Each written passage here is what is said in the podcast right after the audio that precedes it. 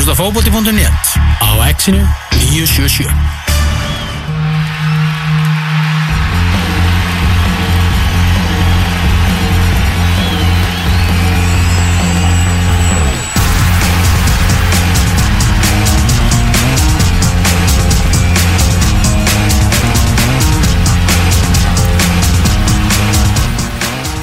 Já, komið þið sálblessu Já, smá ískur hérna í, í uppæði þáttar aðeins svona til að, Þetta ég eða?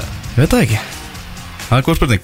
Komið allavega sælblessu, þú verður velkomin út á státtin fókbóti.net Elvar Geir heiti ég og þið heyrðu þarna í honum Benna Benedikt Bóas Indriksson Halló. Með mér í dag þar sem að uh, Tóðmér að keppi í niti með, með Úlfi Blandón. Já. Er ég líka í næstu viku? Því þá eru landslýsæðingar nefnilegast Ég var svona að hugsa við hvort að Já. Þá var ég komið þangað. Já, hvað það verður valin í, valin í landsliði Já. Það er góð spurning sko Það fór, fór þetta ekki vel hjá það með heyrðu? Nei, þetta var eh, einhver svona smá svona Hvað segir maður? Ég meina það er stressand að keppa Það er nú bara þannig En Á, þetta var leikur sem þeir átt að vinna já, það er þannig Eru það eru, er ekki fimm vikur í, í bestu dildina? Jú Já Þetta flýgur áfram. Það gerir það, það er hérna, ég mani þegar við vorum hérna fyrir réttulega 30 dugum og formaður Ía sagði að það veru 80 dagar slettir í mótið Mhm. og þ- það kom svona á okkur. Já, við bara, ha, wow.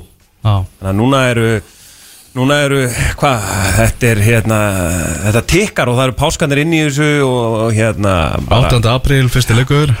Þetta er geggjað.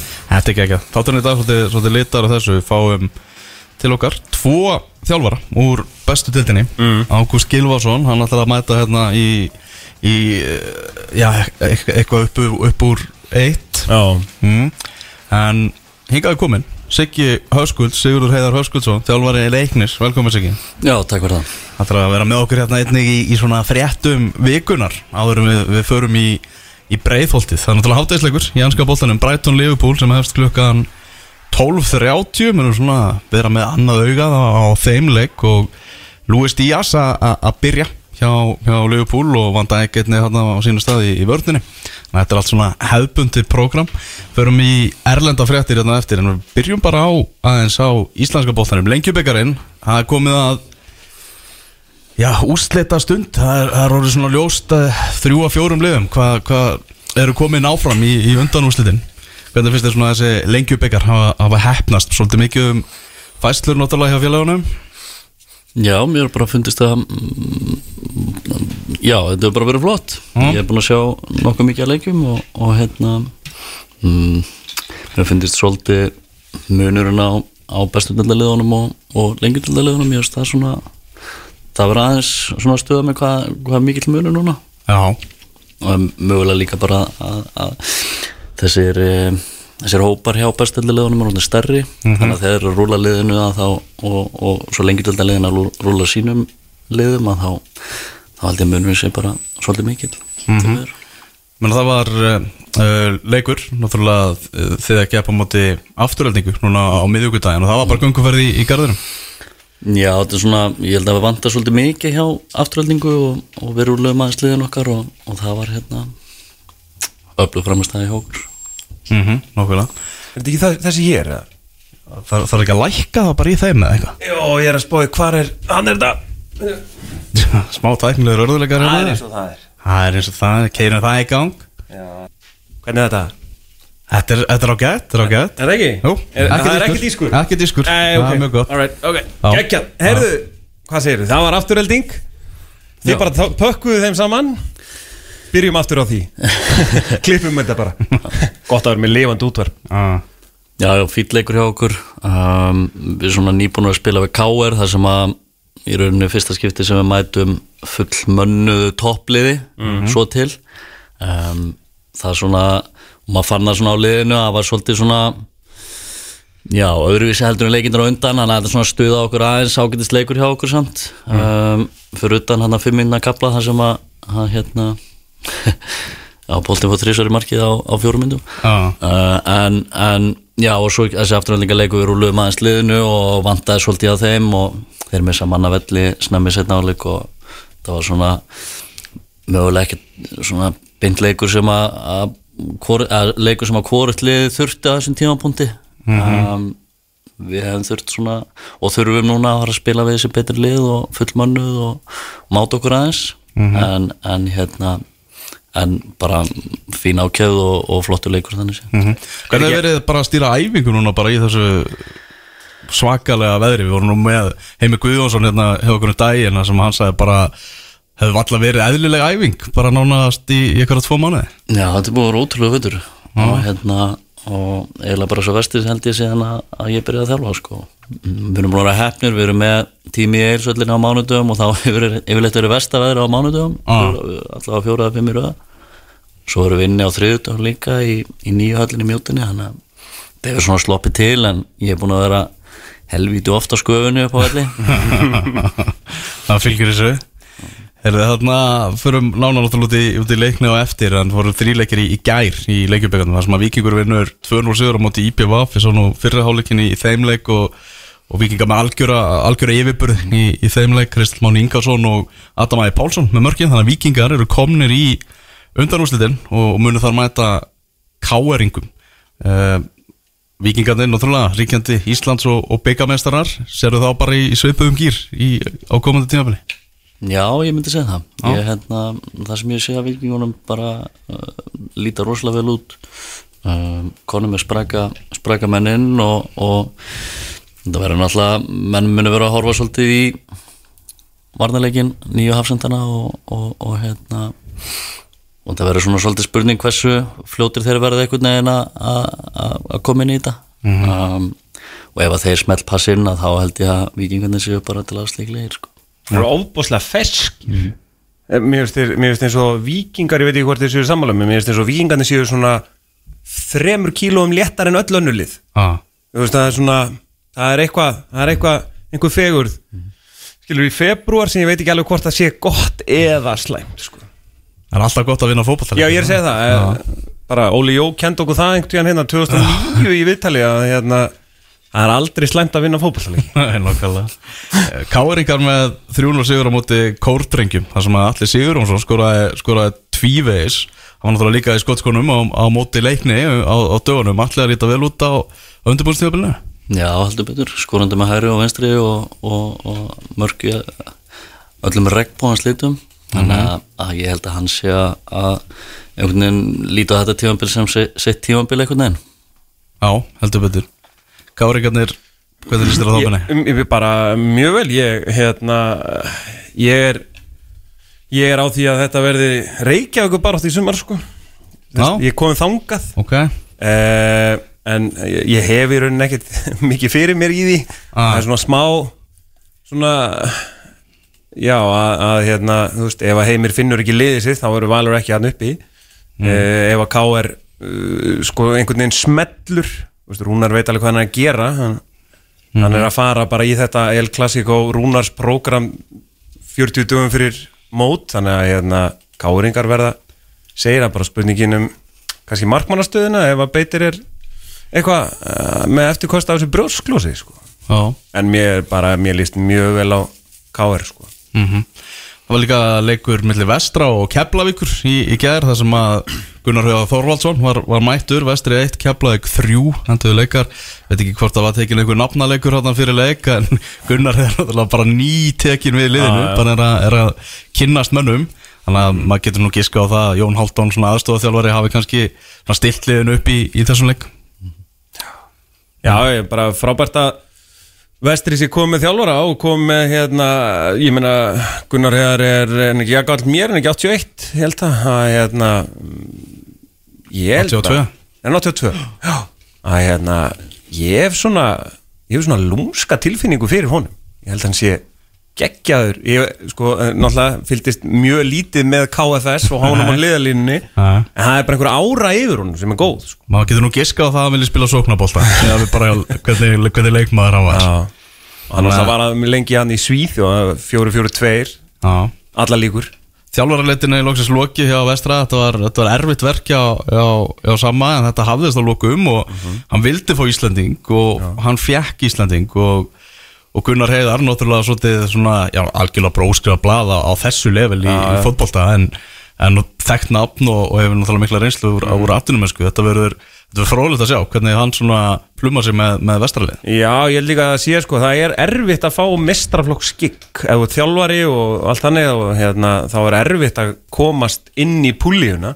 Þannig að hérna, já, ég, hann er hann er náttúrulega í einhverju nýsköpun hann í Vestmanni, með það ekki Þú veist, mm. sá viðtal við hann í fréttablaðinu fyrir svona halv árið það sem hann var í einhverju nýsköpun. Þannig að ég veit ekkert hvernig það er sko. Já, hann er eitthvað í vinslustöðinu að kynna, kynna einhverja nýjar afurður út í heim og eitthvað haldi Þannig að hérna, en ég meina það er nú ekkert mál að ferðast milli landsluta sko. Nákvæmlega. Ég sá að hann sagði eitthvað að það er ekki eins og ég sé að fara að flytja til Úsbekistan sko. Þannig að þetta er nú ekkert þetta er ekkert vandamál sko. Þarna Joey Gibbs með, með tvö mörg fyrir, fyrir Keflavík og hann náttúrulega mættur aftur það munar svakalega miklu fyrir Keflavíkinga að, að hann sé komin aftur í, í lið. Já, alveg klálega og hérna og svona ég held að það bara breyti líka bara leiknuður alveg svakalega mikið þegar hann er inn á. Er eins og, eins og uh, bara hjá okkur leiknismennum í fyrra þegar, þegar sæfa fer og við erum ekki með frammerja og þurfum að breyta og, og gera að, að hérna, við erum keflinginga að fá hann inn að, að þetta er svona allt annað kefla ykkur lið þegar hann er komin inn. Mm Þarna, eins og segi, það er Víkingur Káir sem verður í, í undanúslitum F-fáingar, þeir eru komnir einnig uh, einnig í undanúslitin unnu 3-0 sigur á móti fylki. Fylki er kannski eina lengjudeldaliði sem hefur svona já, náðu almennu flugi hérna í lengjubyggarnum sjálfum. F-fáingarnir rúllaði við framara 7-1 og svona umræðan í kringu það mikið bara eru verða framara fallbissu fóður og allt það. En það verður líka eins að gefa F-fáingum svolítið gaum fyrir þessu úslit sem að þeir eru að, að ná núna. Já, algjörlega, ég var með þetta á þessu leik hann upp í, upp í Árbæ og, og hérna var svona góð ára yfir þessu hjá FH og, og hérna Kitty Freyr virkilega öflugur um, þeir voru að spila 4-4-2 í þessu leik og, og hérna Ok. fyrir leikmaður minn á, á miðsvæðinu, tekja manna miði, Mánu Östmann Já. mjög óvar en hérna, já, þetta var svona öflug framist að þetta var svona FH fengu alveg færi til að bæta við en, en svona út af velli fannst mér þetta bara mm, svona nokkuð jaft en, en, en klár munur á, á, á svo liðum. Mm Óla Bjössi veit alveg hvað þeir eru að gera. Já, það er það er ljóst. En áhugaverðustu náttúrulega úslitin í svona vikunni kannski. Það er uh, þessi sigur stjörnunar á móti breyðarbliki þar sem stjörnar vinnur fjúr eitt sigur og mun náttúrulega fara nánar út í þann leika eins og eftir þegar, að- þegar að Gústi, Gústi kemur en, þetta er óvænt. Já, þeir hefur nú ekki verið þekkti fyrir að tapa leikjum á undirbúinstjóðumölu blikandir mm -hmm. um, en ég held að ég held að séu nú ekkert að missa neitt söfni yfir þessu um, komandi aftur eftir mótið úti og, og, og svona einhvern veginn þeir þurfum alltaf þá líka bara að finna liðið sitt búin að missa marga menn og margir að koma inn og, og ég held að, að þráttur þetta þeir séu bara góðan stað með þetta. Konu með nýja frammerja bandaríkja manni þannig að það ætti að breyta líka smá dýnum ekki inn í þessu Er það ekki svolítið spennandi svona bara fyrir okkur Íslendinga? Ómar Sóve. Já, að fá bara frá hérna New York bara mættur til mættur í kuldan, mættur í veturinn. Og hérna þú veist þetta ég var hrifin af þessu sko. 20, 21 ás og, og, og líst hérna sem snöggum og áraðnum framherja af gambískum ættum segir á, á blikar, blikar.is þetta er áhugavert, samkvæðan transfermart þá er hann, já hægri vangur hans aðastaða, hann getur einnig spilað í nýjunni og, og skemmtilegt viðtal sem að Sæpið Stangja tók við Óskar Hrafn hérna í, í, í vikunni þar sem að hann spurði hvort hann var hugsaður í nýjuna og, og svarið hjá Óskari var, já hvað er nýja og hvað er ekki nýja? Hvar spilar nýja og hvar spilar ekki nýja? Hvar byrjar það og hvar endar það? Veistu þú svaris ekki að þú er ég er ekki með svarað við þessu en, en hérna svona það, skoða þetta aðeins skoða hann aðeins, fór aðeins í, í, í sauman á þessu og hérna hann lúka bara mjög vel. Ok. uh, kraftmikill fljótur virðist geta slúta vel og, og ég held að ég held að þetta sé svona svolítið já, ég held að þetta geti verið svolítið klókt hjá, hjá, hjá blikum. Já, nákvæmlega. Þarna, þetta er náttúrulega búið að vera svolítið að býða eftir því að, að, að blikandi bæti við sig sóknamanni eftir svona, áföllir sem hafa orðið fyrir fram á við. Algjörlega, þeir, þeir hljóta að hafa verið búin að leita lengi og, og hérna og svona þeir náttúrulega vilja þú veist, þú vilt alltaf einhvern veginn reyna að fá mannin sem að sem að fittar í það sem þú ert að gera. Mm -hmm. og svona við fyrstu sín þá, þá, þá lítur hann þannig út. Hann er tilbúin að hlaupa mikið pressa og, og, og hérna svona aggressífur náungi. Þannig að, að hérna ég, þú veist þú ert að leita að einhverju svona einhvern veginn nýju að þú veist hvernig leikmannast þeirra að fá, við vorum alltaf líka að leita okkur að nýju í bregðaltinu um, þá svona horfur í típuna. Um, ert að horfa á mann sem er búin að skora mikið uh, en er kannski ekki eins góður í einhverju stöttu spili eða tæknilega um, svo skorar hann ekki. Mm -hmm. þá ertu einhvern veginn bara með mann sem að korki tekur þátt í spili eða skorar. Hann að þetta er, þetta er eh, held ég einn flóknasta staðan til að affylla og, og, og hérna ég er svona og það held ég sé svona aðal ástæðan fyrir að þetta er búið að taka svolítið langan tíma hjá þeim. Hvað er hérna, þú veist, bara, skilur ef, að- ef að þú mættir velja bara, þú hefur, þú hefur bara endalust val, viltu hafa mann sem getur ekkert í fótbolta en skorar rosa mikið, eða viltu hafa mann sem getur rosa mikið en svona skorar lala? Já, fyrir alltaf bara eftir hvað, hvað menn er í kringum hann eða einhverja annar sem getur skorað þá, hérna, nei, hérna, eins og fyrir mig ég eftir svolítið að horfa í það að fá prúfur markaskorara. Mhm. og, og hérna einhvern sem getur leitt lí- línuna og hlaupi bakvið og djöflast aðeins uppi. Þannig að þá horfði maður í og skoðaði margar svona einhvern veginn kröftu að fljóta frammeira til þess að, að leiða línuna. Blikarnir kannski svona meira horfi í falska nýju þannig típu. Uh, en ég held að þessi sé svona beinskiptari heldur en einhver fyrst nýja myndi ég halda. en, en, en já þetta er svona þetta er alltaf einhvern veginn, nú ert að horfa í hópin hvaða leikmenn eru í kring, hvaða leikmenn getur hendað að spila með þeim leikmenn sem þú ert með, hvernig mm -hmm. spila, ég meina já, við fórum þess að leið að fá, fá svolítið svona kröftugan, beinskittan kannski ekki eins tæknilega góðan en, en, en, en svona eh, já, eitthvað skrimsliðana upp á topp. Mm sem heitir Mikael Dahl. Hárið Með geggjað nafn, Já. ég held með honum bara út á nafn, bara að segja ykkur. Það er marka, markaðistur í, í færum maður bara komin í út í þetta? Náttúrulega Það þurfti að smíða bara nýja sóknarlínu í, í, í breiðholtinu. Já. uh, Náttúrulega fór eins og allir vita eh, besti leikmaður deildarinn bara fyrra Sæðar allir hjælt náttúrulega til Lungby og á miður tímabili og, og það sást nú á, á eftir að hann fór að, að það þyrfti að, að bæta í sóknarlíkin Já, já. Það var svolítið augljóst. Það var svolítið auðvist uh, ég er svona ég var kannski gert full mikið úr því sko hvernig við hefum spilað uh, þessa leiki undir lokin. Uh, mér fannst við góður í, í allavega þrem af, síðustu sex leikjunum. Mjög góður. Um, en fundum rosalega fyrir því að vera ekki með mann upp á topp bara til að halda bolta, hlaupa bak við línu vinna skalla bolta, þannig að svona sóknarleikurinn svona hvað ég segja, á síðasta þriðjung var ekkert sérstakur.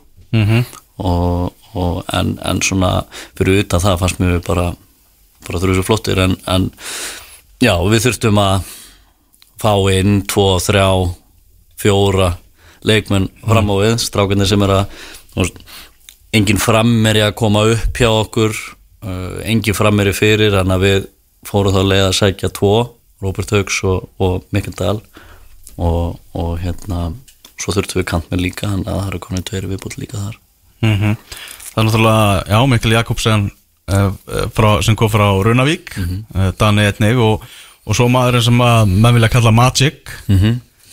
Pólverinn sem var náttúrulega margra augu beinast að. Hvernig er svona hvernig líst þér á þessa erlendu leikmann hvernig þeir hafa verið á undirbúrstíðaflinu Bara mjög vel, ég hérna og það er svona, mm, við horfum líka svolítið í það, við náttúrulega fengum fengum hérna manga í fyrra sem að svona öðruvísi típa leikmanni mjög svona tekniskur explosive en, en svona einhvern veginn vinnur sem í varnarleikur svoleiðis var ekki var ekki til staðar mm. hann að við horfum svolítið í herðu við þurfum gauðra sem passin í íslenska boltar á okkar dæmi það sem að við viljum vera svolítið ákafir og geta hlaupið og, og, og pressað og, og þeir allir þrýr uh, allavega búinir að, að sína það á að, að þeir þeir eru heldur betur til í þetta mm -hmm. Daninni tveir búin að brjóta að hlaupa með í liðinu og, og hrikalega duglegir, æfa hrikalega vel og, og Matsi náttúrulega aðeins og eftir í standi en, en strax búin að sína það að hann, hann heldur betur tilbúin að leggja á sig. Þannig að það held ég að sé svona það sem við verum ánaðasti með að, að, að fái menn sem að, sem að vilja þetta alveg svakalega mikið. Sá gæi, ég meina, hérna, að því að ég var nú í bumbubólta ekki alls fyrir löngu og ég sverða að það var gaur í lekk postnan búning. Mm -hmm. uh, ég meina, er þetta ekki þú veist, er hann komin hingað bara til að hitta vinnina sína eða er hann, þú veist, hann er, hann er all in eða? Hann er all in og, og hérna hann á ykkur að þekkir, þekkir ykkur að tvo pólverið sem búa hér og, og, og sem að lítur að hafa svona hjálpa til við að hann valdi að koma hinga mm. uh, en hann bara ríkala professional og, og, og svona ákafur í að vera stór hluta af þessu ah, okay. Hann er ekki komin einna bara til að einhvern veginn sitja og slaga á sko. hann ætlar að, hann ætlar að stimpla sinn Já, allavega sko veist, það, það er alltaf svona baku eira hjá manni og sérstaklega svona einhvern veginn þessi prófæll að það sem hann hefur gert á förlunum og maður svona veldi fyrir sig hvort hann sé með einhvern veginn dræfið í það að gera þetta eins og maður uh. um, og svona miða við það sem hann er búin að leggja á sig hinga til já, og hvernig já. hann er búin að vera að þá eru við bara virkilega ánæður með það. Sérð alveg á æfingum bara já ok, þarna er professional bara hvernig hann sér um sig hvernig hann borðar, hvernig hann mætir hvernig hann reyma skóna, allt þetta.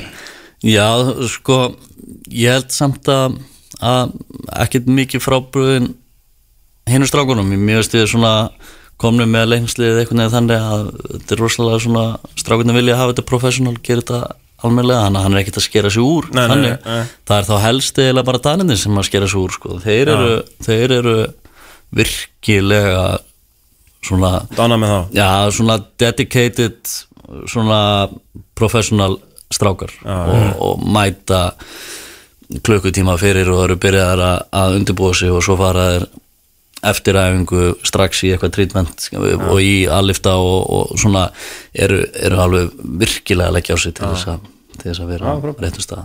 Mm -hmm. En uh, heimalingarnir sem komu snýru tilbaka, Óttar og Sendri, Sendri veist, er ekki bara, er ekki svolítið er svolítið gott hjarta finnst manni. Mér veist, svona, ég veit að ég er náttúrulega með tvo leiknismenn og allt þannig, ég er ekki bara að segja þetta út af því, en mér er svona áran yfir leikni bara, þú veist, í, í mars 2022 allt önnur en mars 2021 sko.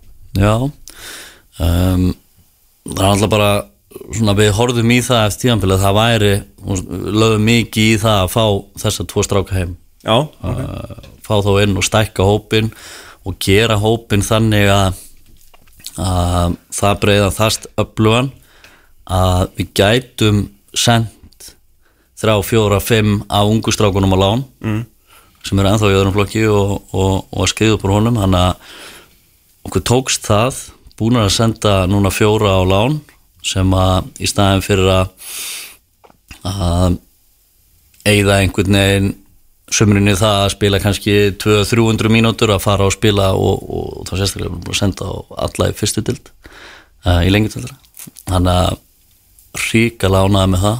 Mm -hmm. og ég held að það sé svona einhvern veginn stað sem að leiknir hefur ekki verið í áður uh, og, og var markmið fyrir, fyrir tímanbilið þannig að það er bara frábært mm -hmm. Mm -hmm.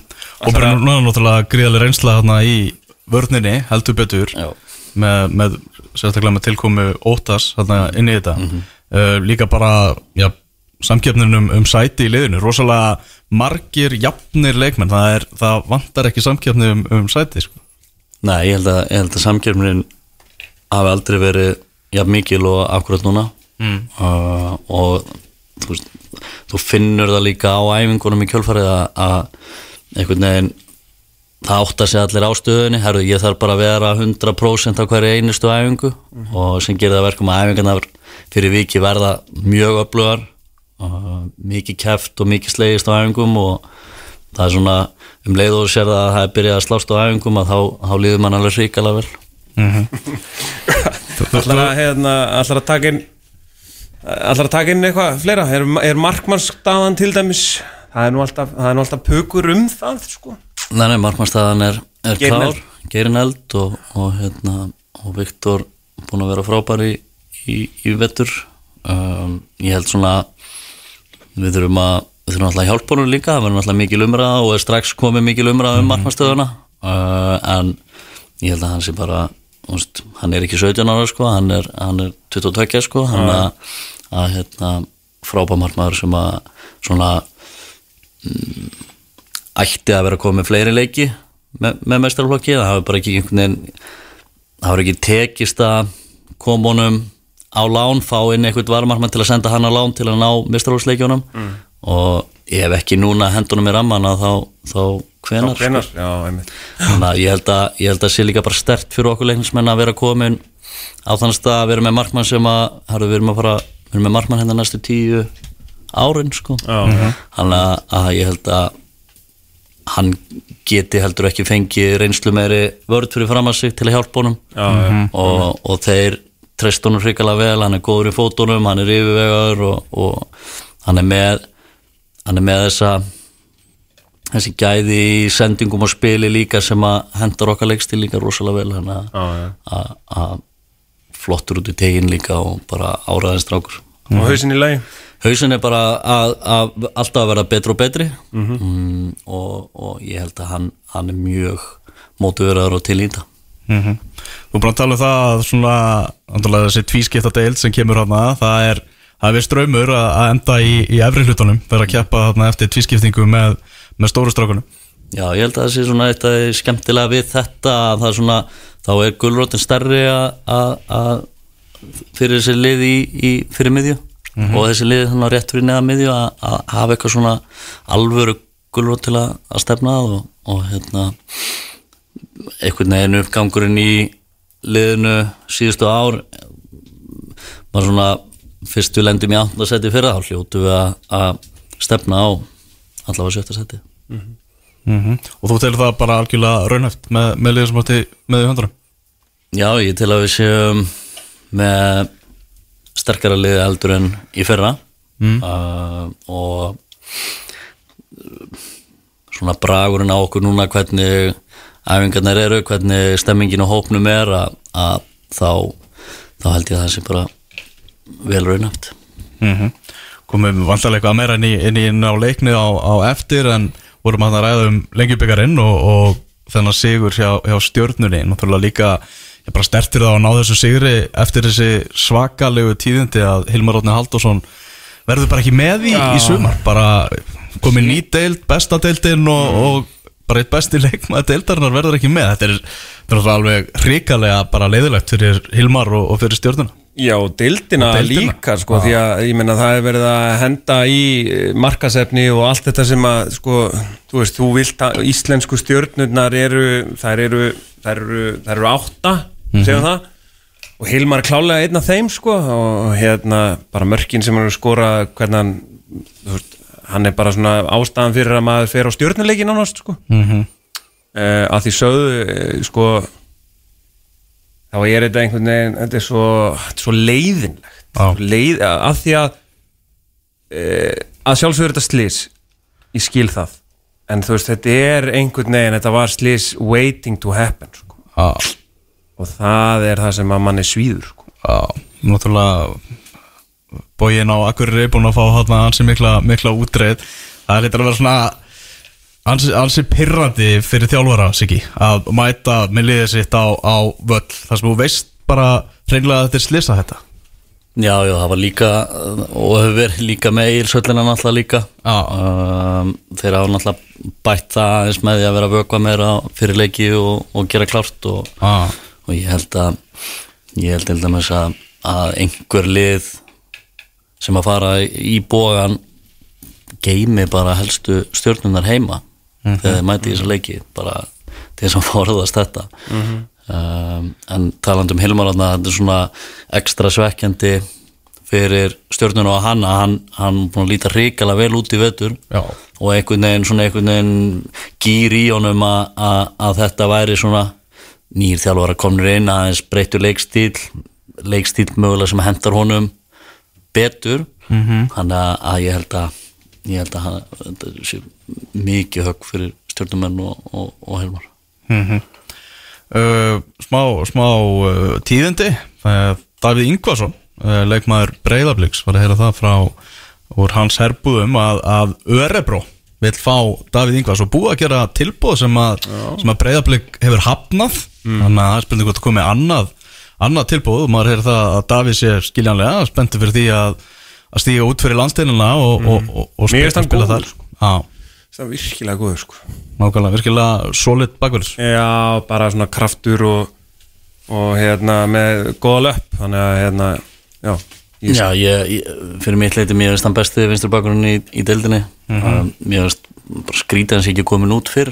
Finnst hann, mér finnst hann frábær og ég sé fyrir mér framtíða landsmann hann í, í vinstur bakurinn mm Ef hann hættir áfram með þessari þróun þá getur það alveg svo sannlega gæst uh, Já, Víkingur K.R. hafi komið leikstaður og leiktímin á þriðjudaginn undan úrslit í lengjubíkarnum á Víkingsvelli heimavelli Hamingjunar klukkan 19.15 Svo er bara spurningin hverjum F-fáingum Er hann á þriðdans, það er það? Já, Já, já hvort, hvort að F-fáingar sé að fara að mæta stjörnunni ía eða breyðabliki því það er allt galopið í þessum riðli 2, það sem eru tveir leikir eftir. Breyðabliki er að fara að mæta Kávaf á morgun klukkan þrjú. Og ef við gerum nú bara ráð fyrir því að breyðablik vinni, vinni það leik, þá er breyðablik farið upp í uh, 12 stig. uh, stjarnar þá með 10 og ía með 9 áður en að liðin mætast á mánudagskvöldið í, í miðgarði í Garðanæ þannig að það geti þá verið þá hreitn úslita leikur þar sem að breyðablik fyrir áfram með jafntefli millir stjórnar og ía og skagamenn ættu svona að vera með betri markatölu heldur en um, heldur en blikandi núna þannig að þetta geti bara enda þannig að, að það er bara, ef stjarnar vinnur þá er að stjarnar áfram, skagin áfram ef að þeir vinna og jafntefli er breyðablik áfram. Já, mjög gott, mjög gott. það er að hressandi. Ég hef líka ekki farið í miðgar þannig að maður kannski skellir sér á þennan leik. Já, hann var náttúrulega blotnaði mikið þannig um daginn. Það er bara utan sko. það var bara utan. Þetta er náttúrulega byggt í mýri, ekki gleyma þið. Þannig að hérna, eh, þú veist, þetta, þetta getur nú ekki hafa komið mönnum rosalega óvart. Nei, nokkulega Siggi, hérna, nú er bara að taka upp síman og, og rætta æfingarleikjum fram að móti. Já, heldur betur. Já, og, og það er alveg uh, flóki verkefni því að, því að lið er að fara út og lið voru svona að klára lengjubíkarinn hvort að þau var að fara áfram og, og, og eins og sagði að við þurfum að spila við þessi topplið aðeins að máta okkur við starri liðin og koma okkur í einhvern veginn þannig gýr og fara að nálgast leikin sem við viljum spila í, í, í sumar taktíslega og, og þannig að leikinir hinga til að vera svolítið svona galopnir og pressa átt og, og, og reynda að fá eins mikið af, af, af, svona þessu fysikal dæmi inn í leikina. Þannig að, að nú fyrir svona nálgast að reyna að finna okkar skipulega og taktík og, og, og þá þurfum við að máta okkur við bestu liðin. Mm Hvernig finnst þér þetta fyrirkomulag sem að er verið að fara að komast inn á það að hann býr þess að skemmtilegu gulrót allavega mm Já, já, það er bara fínt að prófa þetta. Ég, svona ég, ég er svona einhvern veginn þannig. Ég, ég, ég, ég bara, þetta er bara svona og þá bara gerum við þetta svona og mér finnst það bara flott. Ég, ég nenni ekki að velta fyrir mér hvort ég vilja hafa þetta einhvern veginn öðruvísi. Uh, Þetta er bara svona og þá bara gýrum maður sig í það og er ekkert að velta vengum Nákvæmlega. Það er eitt leikur í lengjubíkarnu núna í dag og það er gróta háká sem verður klukkan eitt og svona þegar maður rennur yfir skýsluna kannski áhugaverðast að Valgir Valgirsson er á bekknum hjá háká. Veit ekki hvort það sé eitthvað hvort það sé eitthvað, eitthvað tæpur eða, eða hvað það er. Náttúrulega mikið búið að vera orða hann frá hákáingum en hákáingar halda honum fast þarna í, í kórnum hjá sér. Þannig að það er, það er stutt í mót þannig að spyrja hvort hann verði bara í háká eða hvernig, hvernig það verður allt saman. Uh, aðrar fréttir svona vikur, vikunar við förum aðeins í Íslandingar sem er að spila Erlendis. Uh, Ísak Bergman Jónesson á skotskonum í svakalugum leikamóti PS Handofin fjögur, fjögur í sambandstildinni, góðu. Þarna svona að svara náttúrulega hend bara út úr hóp hjá, hjá FCK mikið sjokk fyrir hann og, og svona margar hökur í, í gólf þegar það var gert. Já, algjörlega, svona sýnir einhvern veginn uh, karakterin í honum að koma bara strax inn og, og, og láta einhvern veginn strax að sig kveða.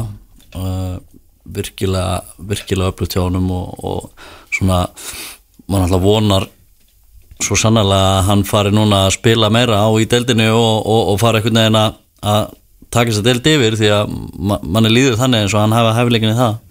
Þannig að, að hérna, stert, virkilega stert að, að, stimpla sér svona strax inn.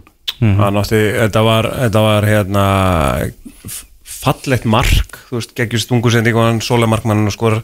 Svo fekk hann eitt hérna, þeir náður sko stöðinni þrýr og einn einu sinni.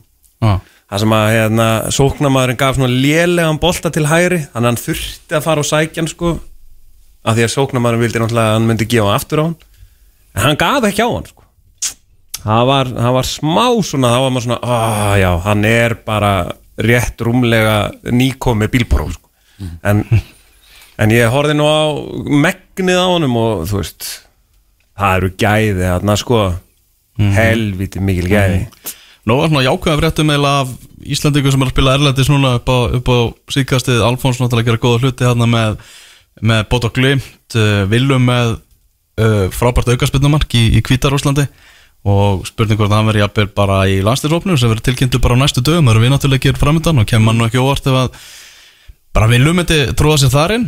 Uh, Jón Daði Böðvarsson, hann finnur ástina frá, Oh. frá stuðnismennu Oh. Bolton Gleðin, gleðin maður. Bossi, Bara ég, ég, ég hérna, það er náttúrulega eh, Svolítið kannski Tómasi Þóra að kenna að Við höldum allir mikið með Jóni Daðar sko. En þú veist, Það er mjög auðvelt að halda með Jóni Daði já er það sko Og ég, ég bara finna einhvern veginn Maður finnur og bara Íslendingur að gera gott mót í Bolton Það er, það er bara eins og gin og tónik Það er eitthvað sem passar sko. Já, Það er bara einhvern veginn þannig sko. Já. Og mér varst fallegt sko, ég horfði nú á semst, í, já, hérna, official uh, Bolton YouTube síðunni. Mhm. er þetta að skoða svona, hérna, svona leikdagurinn eftir leik og annað sko. Það er mikil ástæðna sko íslenski fánin í stúkunni og, og hérna búin að leggja hann tvis og svona yfir auglýsingaskiltin og eh, það var eitthvað fegur hann sko. Ég hef hérna tviðsásunum farið á leik með Bolton og það var einu sinni fyrir löngu þegar að Guðni Bergson var nýhættur hjá, uh, í, í Boltonum þá hérna fann maður einmitt líka þess að bara þú veist, ef maður bara sæðist vera Íslandingur þá fekk maður bara inn út um allt annars sko. það var bara þvílík, þvílík virðing fyrir Íslandingum svo rambaði líka á leikaðna þar sem að Eiður Smári spilaði með Bolton. Og var með fyrirleðabandi því leika móti Norrit dætt óvænt inn á, inn á þann leik sko. Líka- gerir maður það?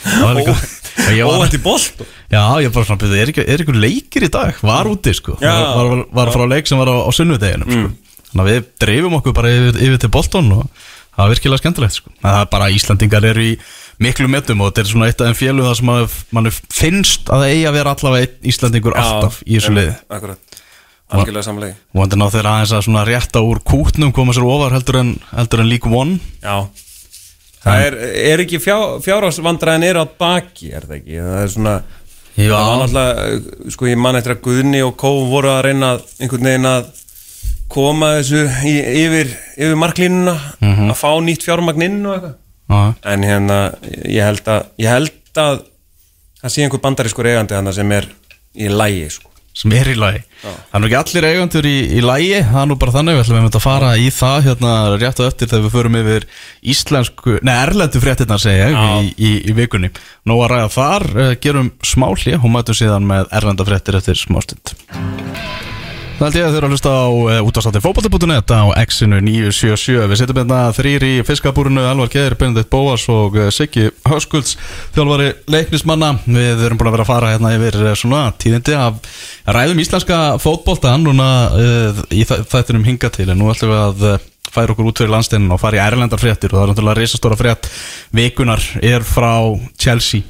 Bara Chelsea, þetta lið sem við höfum þekkt svona síðan 2003 síðan Roman Abramovits keifti félagið við það er að fara í eitthvað allt aðra mynd núna því að það er náttúrulega búið að frista allt saman. Benning, þetta er, er svakalett Já, ég, ég held að hérna, það sem að við gerðum okkur, ekki grein fyrir það var að hérna, fristingin gildir náttúrulega yfir kreditkort félagsins þannig að menn er eitthvað að tala um að hérna, þeir með ekki eins og kaupa olí og rútuna e, pff, en það er einhver svona loophole um að leikmenn geti sko farið aðeins ofa eða skjólir borgað að, hlutabrúsanum og eitthvað þannig. En svo, en svo ég skil þetta þá er hérna ég meina þeir eru að fara hérna á, á eiga heimaleik á morgun. Þeir mega eiga, eiga 500.000 pundum í þennan heimaleik uh, sem að uh, uh, valla dögar fyrir sko öryggiskeslu en uh, coverar það en það er allt annað eftir.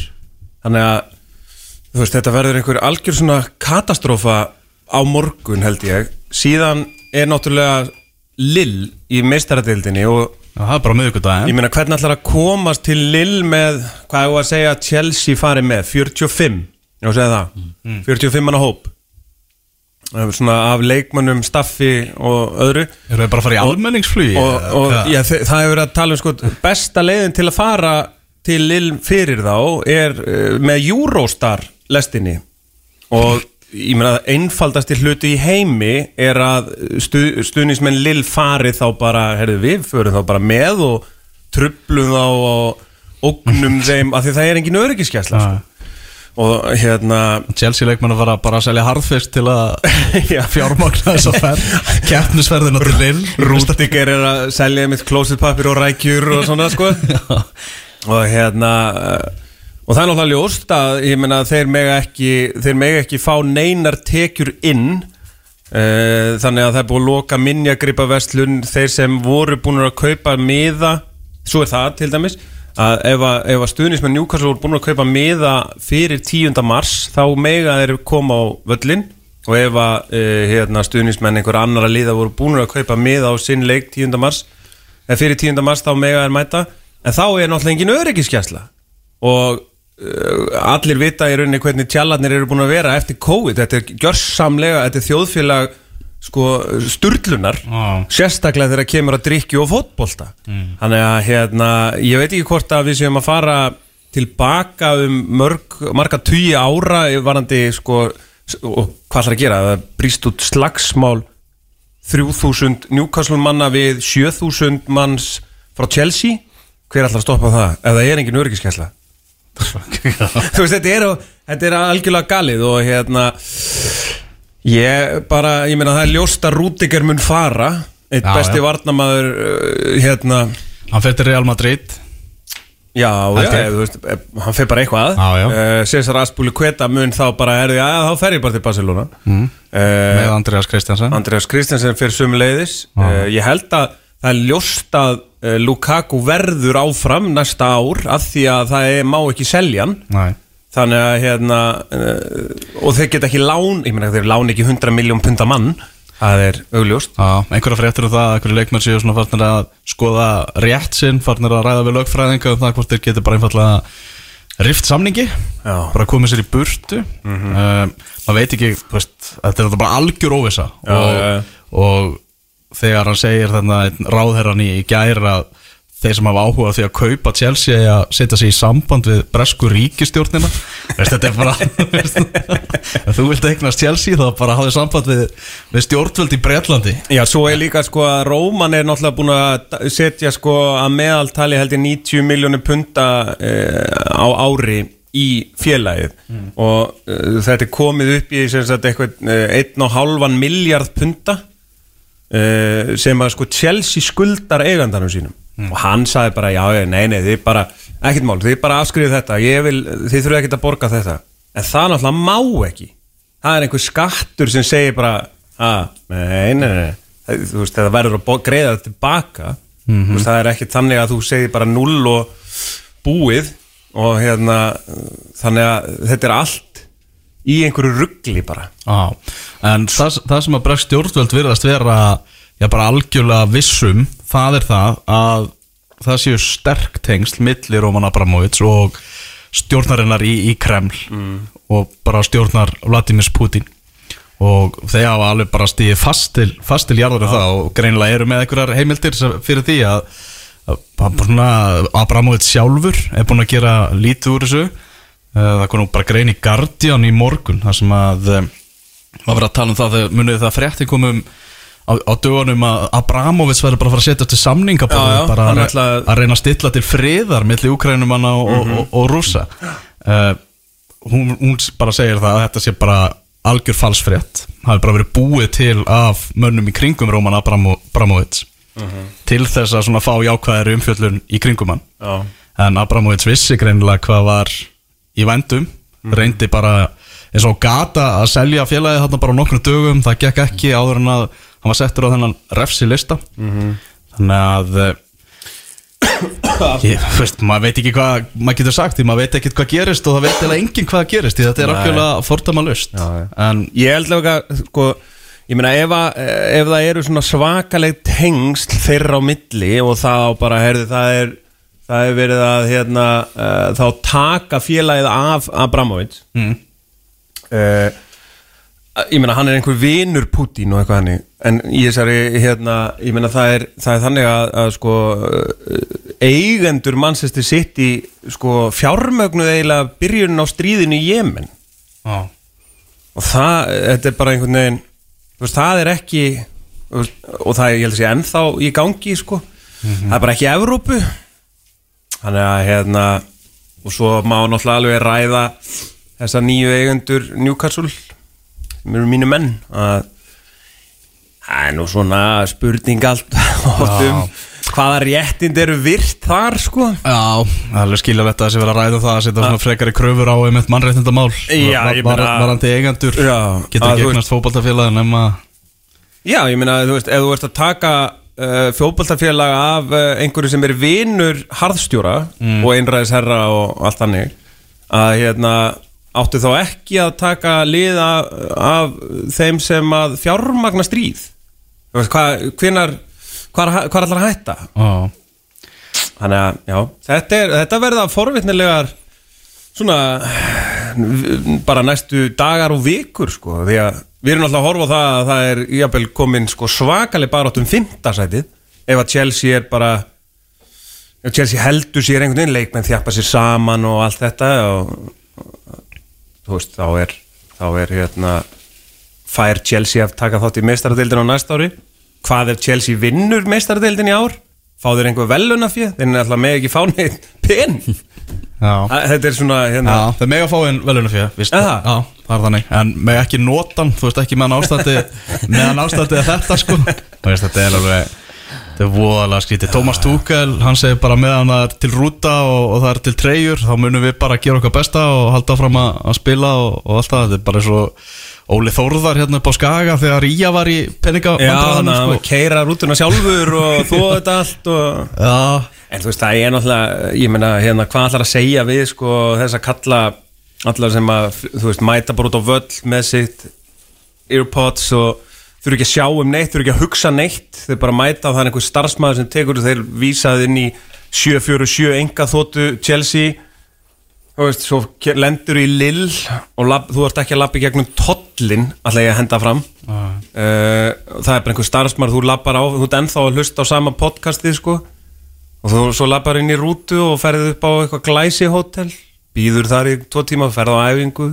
Það er starfsmæður búin að græja þetta allt fyrir þig og, og hérna núna ertu einhvern veginn stráðið eru að mæta bara á júróstar lestarstöðina klón átta.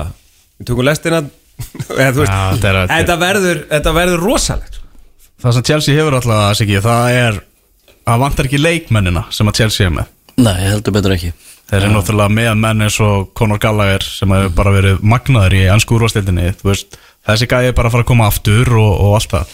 Þannig að ég minna þrátt fyrir að liði með ekki eðaninu peningum í, í nýja leikmenn þá eru þarna ungi leikmenn til staðar. Já, og, og er ekki bara Chelsea leikmenn út um allan heim einhvern veginn að láni út um allt og mér hef fundið svona bara ágættis ára yfir þessu hjá Chelsea fram að þessu og hérna og svona mm, ég held að sé þetta er ríkalegt högg fyrir alla Chelsea menn, stuðnismenn og, og allt þetta, einhvern veginn þetta er rosalega óvisa um, en eitthvað segir manni að þetta einhvern veginn leysist farsalega og, og, og, og þetta verður bara back to business. Bara býðum að sjá um spurning með Thomas Tuchel, stundins með Manchester United að vonast til þess að þetta opni leið fyrir þá að, að geta fengið Thomas Tuchel, er hann ekki bara er hann ekki akkurat gaurinn sem að Manchester United þarf? Bara en hann er búin að sína það að þetta er maður sem að kemst alveg upp, upp að hlið Pep Guardiola og, og, og Jörgen Klopp. Uh, með bein í nefinu þetta er, þetta er alveg svakalega ákveðin gæi. Já, algjörlega, ég, hérna, ég er mjög hrifin af einhvern veginn árun yfir honum. Uh, svona einhvern veginn hann er svona bæði einhvern veginn svalur en samt eitthvað pirrandi sko. Og einhvern veginn mér er svo mikið svona vinning attitút í honum einhvern veginn. Mér finnst hann alltaf einhvern veginn mér finnst hann óbúslega Chelsea-lið virkar einhvern veginn þannig að uh, þetta er óbúslega vel þjálfa lið. Uh, og túkælega einhvern veginn með einhverjum svona ári yfir sér bara, herru, ég get ekki tap ég, ég, fæ, ég fæ það einhvern veginn bara þegar ég horfa á hann gæði, hann bara, herru, liðið sem hann er með hann getur ekki tapa -hmm. og svona, ég veit ekki, ég er mjög, mjög svona ég er með eitthvað þeng fyrir þessum gæði sko. Ég trúi vel. Uh, svona að því að talandum vel þjálfað og, og svona, það var náttúrulega Evertón Tottenham kannski, það var, það var annar hana Evertón, nei, hérna gæðin sem var á undan Frank Lampard, það var nú ekki hægt að sjá að það lið væri vel þjálfað. Nei, ég held að það hefði svona það hefði svolítið retta á hann þar bara hversu öflugur mannskapur var hann sko. Um, horfandi á hann tóttina með auðvitaðleik, horfði horfði á þann leik og ég já, ég var í sjokki með Já. Þetta er svakalega illa út í þeim og, og svakalega erfitt prógra Ég, er þetta er, ég bara maður er búin að segja þetta nokkur sinnum sko. Ég, ég hef alveg trúið að Evertón falli sko. Já, ég, svona einhvern veginn þegar, þegar Lampard er að mæta þessum alvöru stjórum að þá finnst mér hann bara skólaður í hvert skipta Já. og svona einhvern veginn og ég, ég, held að, ég held að fólk gerir sér ekki alveg grein fyrir sko, veist, þessi reynsla sem að Conte, Tuchel og þessi kallar eru með og veist, þeir, þeir, þeir taka þig bara í bakarið ef, að- ef þú ert ekki með allt upp á tíu og, og það sást svo sannlega í þessum, tóttanarleika Já. hann átti ekki breyki eina sekundur Nei. Þarna tala, tala um áhuga stöðnismann og Manchester United að fá Tuchel. Það var könnuna á fórsíðu fótbolta.net hvort að menn vildu frekar Erik Ten Hag eh, stjóra Ajax eða Mauricio Pochettino hvor er þið betur kostur fyrir Manchester United. Og eh, þar fekk Pochettino 26% atkvaða mm Erik Ten Hag eh, 74% uh, Pochettino ég, ef þessi könnur er gerð í dag þá held ég að Erik Ten Hag- Ten Hag myndi fá svona 90% eh, svona eftir, eftir tapið, tapið hjá, hjá PSG núna. Það verður að sveifla svolítið meira í áttina að þessum stjóra svona áhugi Manchester United stundismanna Já, ég held svona líka bara uh, út af fótboltanum sem hann spilar og, og, og, og allt það.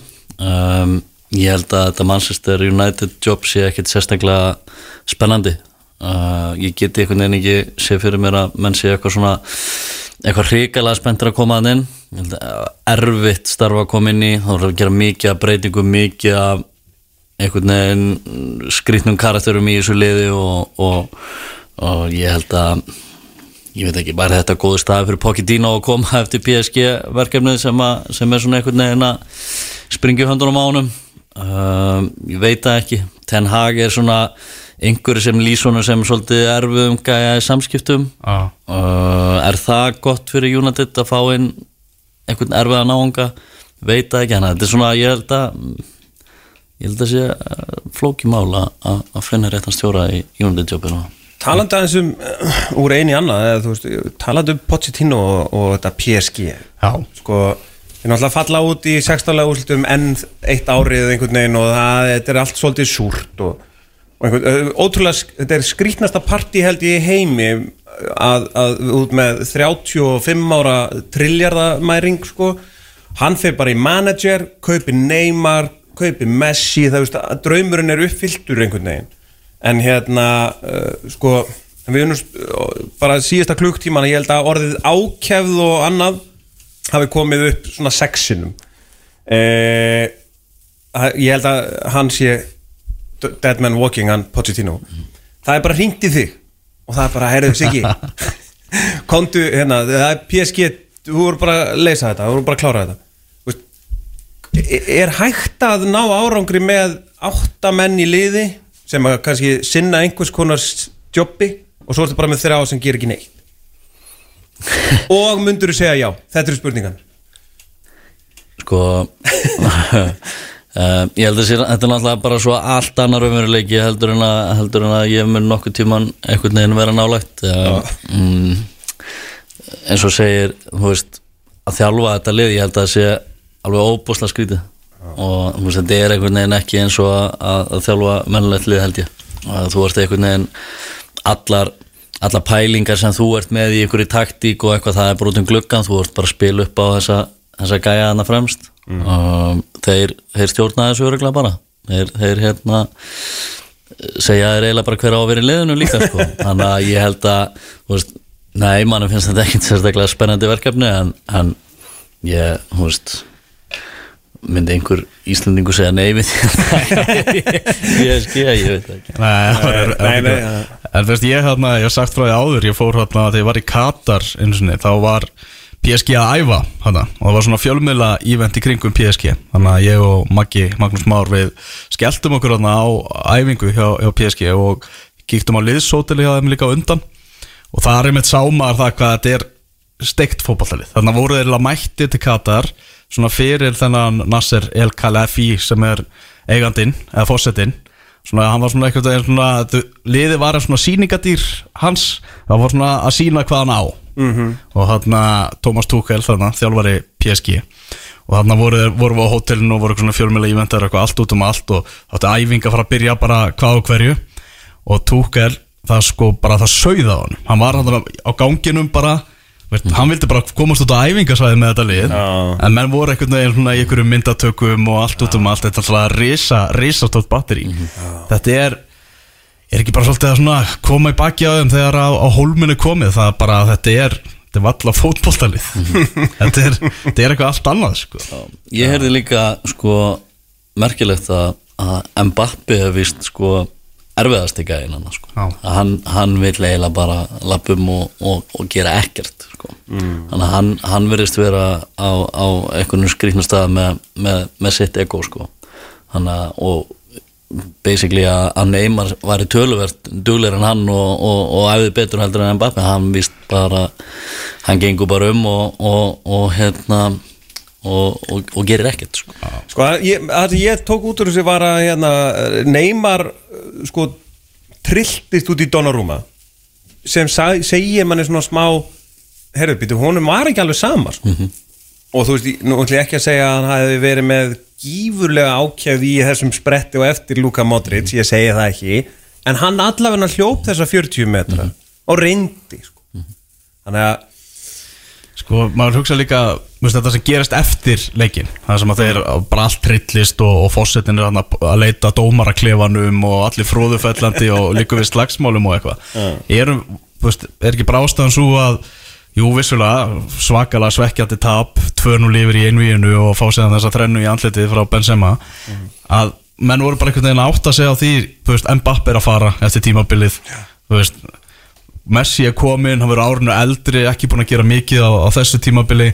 Bara svona að þarf eiginlega að rístarta þessu dæmi aftur. Þannig að fóru svona síðasta tækifæri til að taka þessa keppni með þetta lið. Já, já, já. Það er meðan gæti það ekki bara verið einhvern veginn blessing líka, einhvern veginn að losa bara Mbappe og Neymar mm, finna leikmennar sem að henda Messi betur mm. geta spila meira í kringu það, setja upp þú veist, að setja upp lið í kringum þrjá leikmenn sko, mögulega bara herðu, höldum langbesta gæjanum að mínum mati. Og, og hérna og búum eitthvað til í kringum það og finnum leikmenn sem að henda því betur. Menn sem eru, þú veist, geta pressa fyrir hann og, og, og, og hlaupið einhver hlaup fyrir hann og mm við erum bara með einn kongan sko. Já. Þannig ég held að það sé alveg líka rétt bara að þjálfari sem kemur inn, ég held að hann hafi bara svona takmörku völd. Það er svona þetta batteri er bara einhvern veginn allt svo, svo skrítið. Karim Benzema, hversu góður er hann? sko uh, ég, ég hérna áttaði mig ekki á því hvað Benzema var góður fyrir en bara fyrir svona þrem, fjórum árum þegar ég fór aðeins að veltunum byttu fyrir mér. Já, um, þetta er svona sko, þessi frammerar Lewandowski og, og, og Benzema menn sem eru orðin aðeins eldri.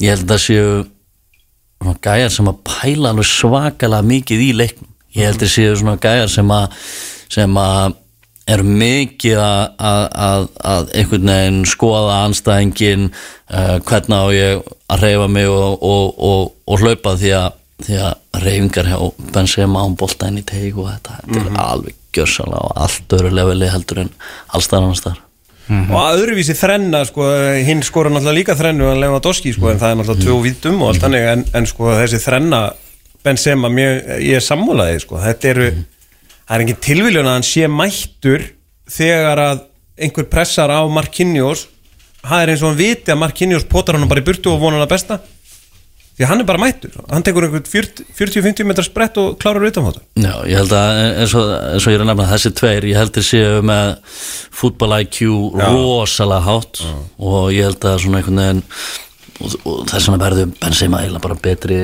með hverju árinu sko. Um, meiri reynsla og, og ég held að þeir séu á, á einhverju öðru level í, í hvernig þeir hugsa um sig og æfa og, og, og nálgast það því að þeir eru að gjössalega frábærir City og Bayern flugu áfram. Bayern alltaf með 7-1 sigur á móti Salzburg eftir 1-1 í fyrirleiknum. Náttúrulega alveg galið, Lewandowski þar með, með þrennu. Uh, Liverpool 0, Inter 1 en Liverpool kemur sér þarna áfram og var svona óvænt spenna eiginlega í, í þessum leik þar sem að Lautaro Martínez skora þetta var samt lúxusmark. aldrei svona, þegar að þeir voru mér svona síðustu tíu mínútunar þú veist, þá var að Simón Jensaki hann segir eftir leikin sko. Já já, náttúrulega erum við leikur í Torino um helgina og, veist, Já. hann, hann, hann, hann fór aldrei bara, heyrðu, ég er með einni vörð það skiptir einhver máli hvort ég tapir sko 7-1 eða 2-1 Nei, það kom svolítið óvart. Já. hann skildi ekki henda öllu. hann fór aldrei með þetta upp í vitlis nei. hann var bara inter, taktík og og spilum bara út og Já, já, hann bara þorði ekki. Hann þorði bara ekki.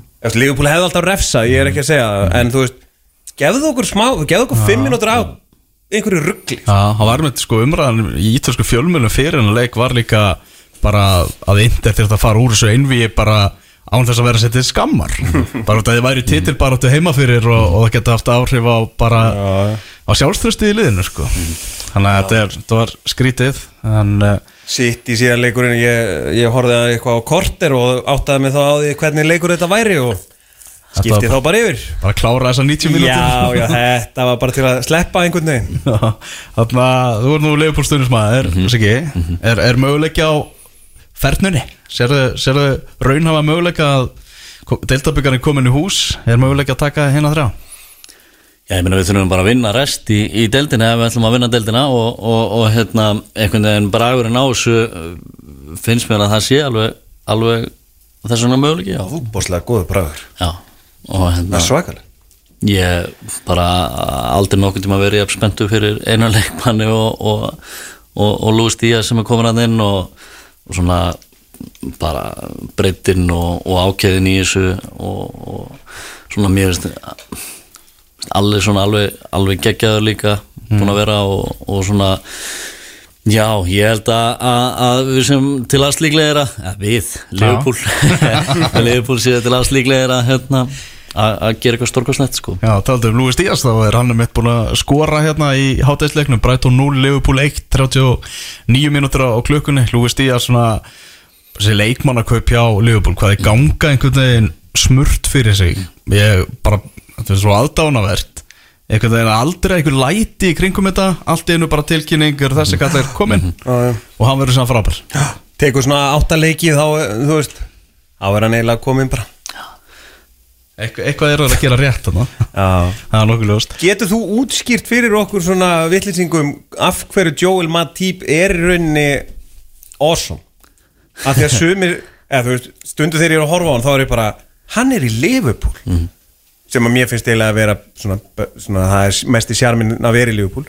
En þú veist, hann er þar. Og samt, sko, svo að maður tala við sko, þeir sem eru gáðaðir þeir segja, en ekki hvað, hann er langt besti hásendi Já, mér, veist hann alveg gjössanlega hann er bara einn minnum uppáhaldsmönnum hann mm, ótrúlega fljótur, góður loftinu, geggjaður á boltan þú veist, hvað viltu meira sko? Þetta er bara geggjaður gæ og svo er einhvern veginn svona skemmtilegt svona einhvern veginn ára yfir honum léttur og, og, og tekur Lucy og hlaup upp, upp öllin stundum og skora þarna daginn og, já, ég, ég, ég man nú að Alfred Fimbo sagði þegar að Matip kom í Liverpool þá sagði hann að Matip var besti hafsend sem hann spilað á móti. Sagði að hann hefði ekki átt breyki hann sko. Já, ok.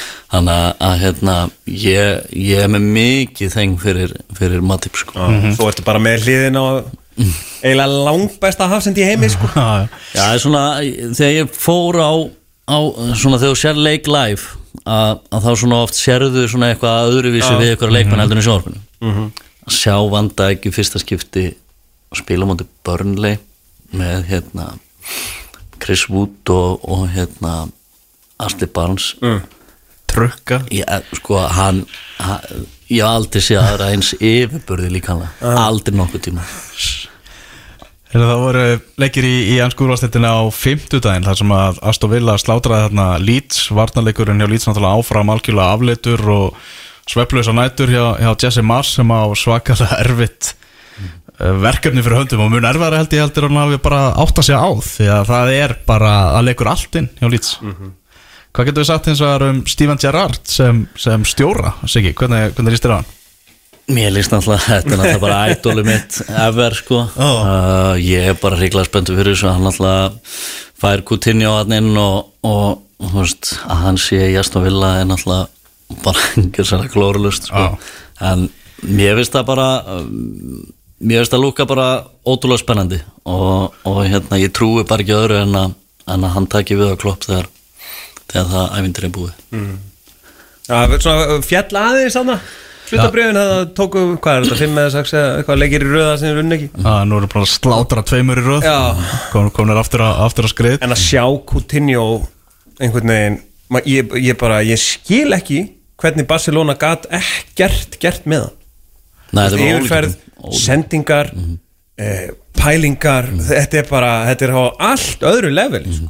Ég held að sé líka, þú þarft að nálgast þennan, hann er eina af, af leikmenn sem þarft að nálgast öruglega á, á sérstakana hátt, ég er Já. að þekkir hann og, og ég held að þetta hafi verið er hann ekki bullandi feiminn og inn í sér svona Já. introvert og eitthvað þannig sko. þannig að ég held að þú ert að, ert að hugsa vel um, um, um hennan gæja sko. Já, hjálpar heldur Mér finnst eins og hann geri alla leikmenn í kringum sig betri en í Barcelona átti hann kannski að vera bara gæðin sem að átti að vera bestur En ef hann ætlar að vera áfram í Aston Villa þá þarf hann að taka á sér alveg svakalega launalækun Þannig að eins og Gerrard sagði á fréttamann að þetta bara gæðir Þetta er hægara sagt en gert að, að halda Coutinho í, í Aston Villa.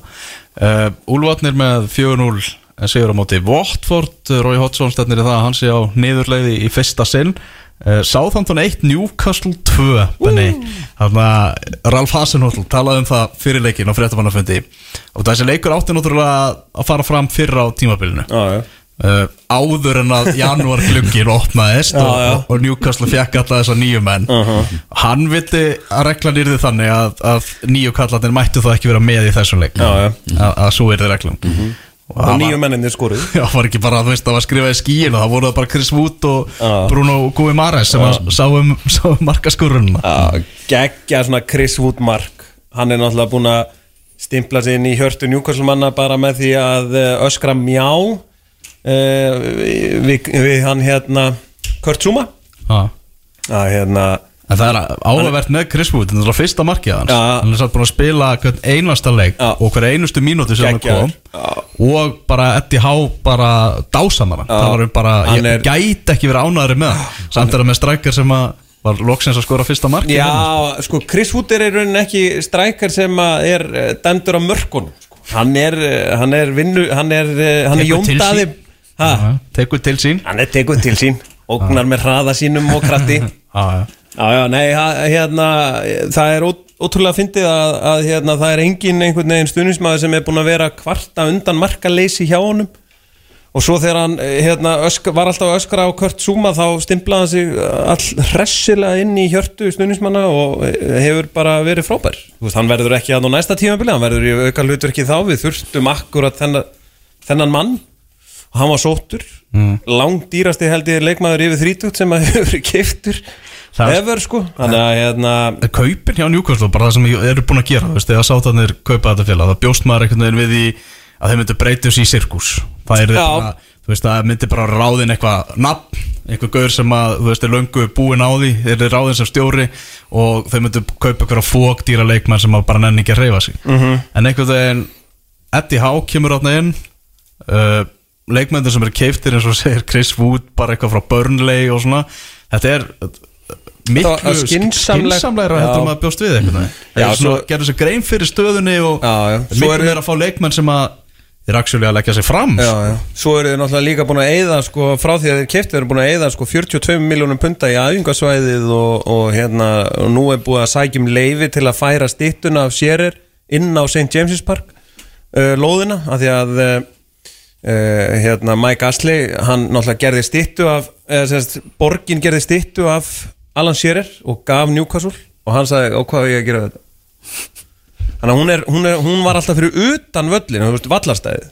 Hún var ekkert inn á St. James's Park lóðinni. Hún var sett þar upp, sko. Hann vildi ekkert með þetta hafa, sko.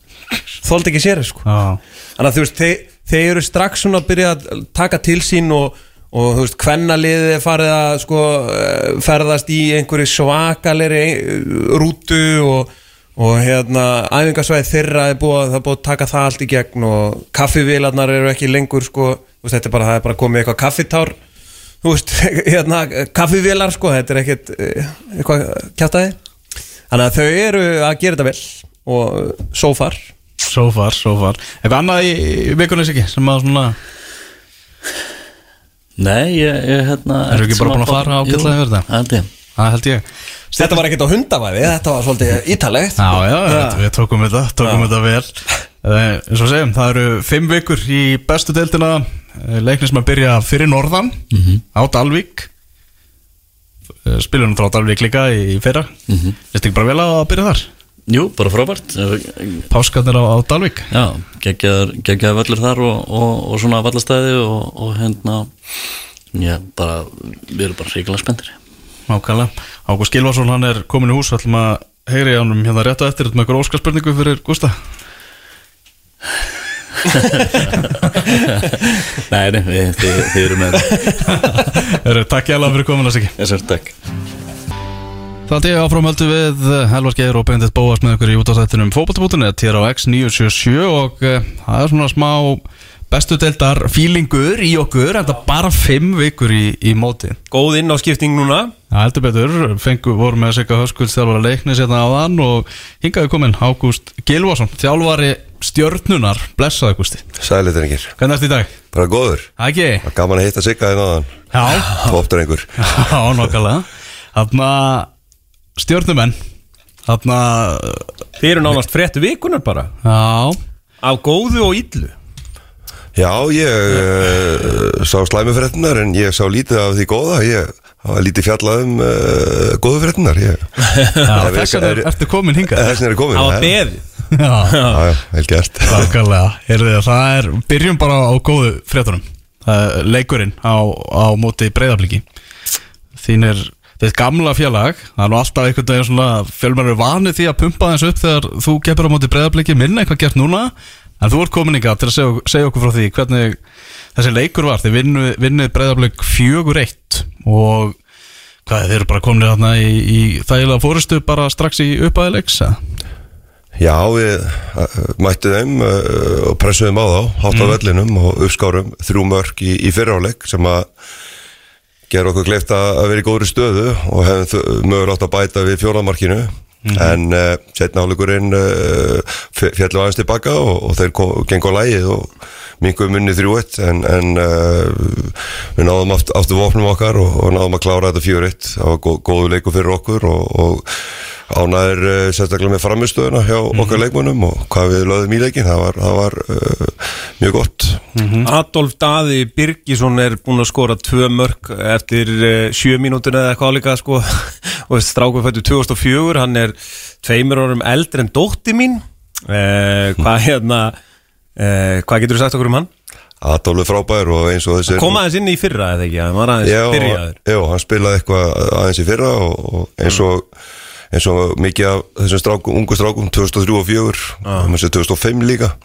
Þannig að, að við erum að byggja ofan á núna og, og uh, þeir eru búin að standa sér frábælega vel alveg frá fyrstu æfingu og, og vöktu aðtikl okkar þjálfara teimisins að, að þarna væru hópur af góðum drengjum sem að voru tilbúinir með mikið metnað, voru tilbúinir að leggja mikið á sig og, og það hefur sínt sig að þeir hafa spilað flestir aðeim lunga leikjónum eh, í vettur Þannig, að- og við erum greiða lánaði með þá. Auðvitað þegar þú tekur við nýju liðið og með nýjar áherslur og, og, og taka við svona drengjum er alveg alveg einstakt. Og, og það sýnir sig líki því að við erum ekkert að hrúa inn uh, útlendingum og öðrum. Að við erum með go, gott uh, stráka þarna í, í þessum leikmönnum sem að Já. við viljum byggja ofana og, og gera að, að framtíðar mönnum félagsins og, og íslenska landslinsins Hvernig er hérna svona uh, hausinn á þessum uh, drengjum? Eru þeir uh, strax farnir bara út í atunum mennsku 2004 módelinn og allt þetta sko? Veist, eða eru, er, er, eru þeir að vonast eftir mínútum í sumar?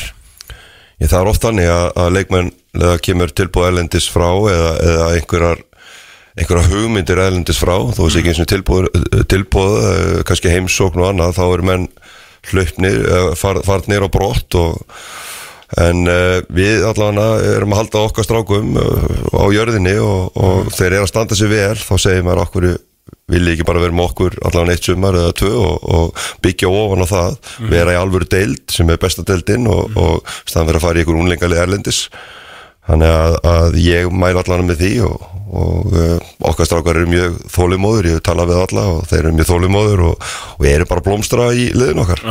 Er hérna uh, svona einmitt, þólimmæðin þú veist, er þetta ekki sko, er ekki eitt sumar í bestu deildinni, er það ekki manni finnst það oft, sko, en það er kannski persónbundið og allt þannig, ég segi það ekki en Sko maður skilur ef að leikmenn er að fá tilbúið erlendis frá í aðaliði félags Já. eins og í Danmörku eða Nóri eða fleiri stöðum og, og uh, heldur en að vera kannski búin að æfa eitt, tvö ári í, í mestarlokki með fullöndu kallmönnum hérna á Íslandi og, og fara svo allt inn í einhver úlingali erlendis Já. ég, maður, ég skilða ekki alveg okkur ekki að vera þá hér og, og, og fara þá í aðlið uh, út, í, út í Skandinavíu Já, já, og byggja ofan á það. Því það er munur á, á, á karlmas, karl, karl, karlabolta og unlingabolta það segir sér sjálft. Já, já. og, og uh, okkar menn er að þroskast uh, verulega mikið og eru að, á góðum stað. Þannig að þið stjórnumenn er að búa til mikinn hausverk fyrir okkur fjölmjölamenn sem eru að reyna eitthvað að spá í spilin fyrir, fyrir deildina. Það er svolítið erfitt að, að svona sitja fingur á ykkur. Uh, Þannig að David uh, síðasta tímabil yfir stjórnunni, mikið vombriða tímabil, núna koma breytingar, þú kemur inn með, með nýtt þjálfarateimi og, og, og allt það, vinni fótbolta.net mótið.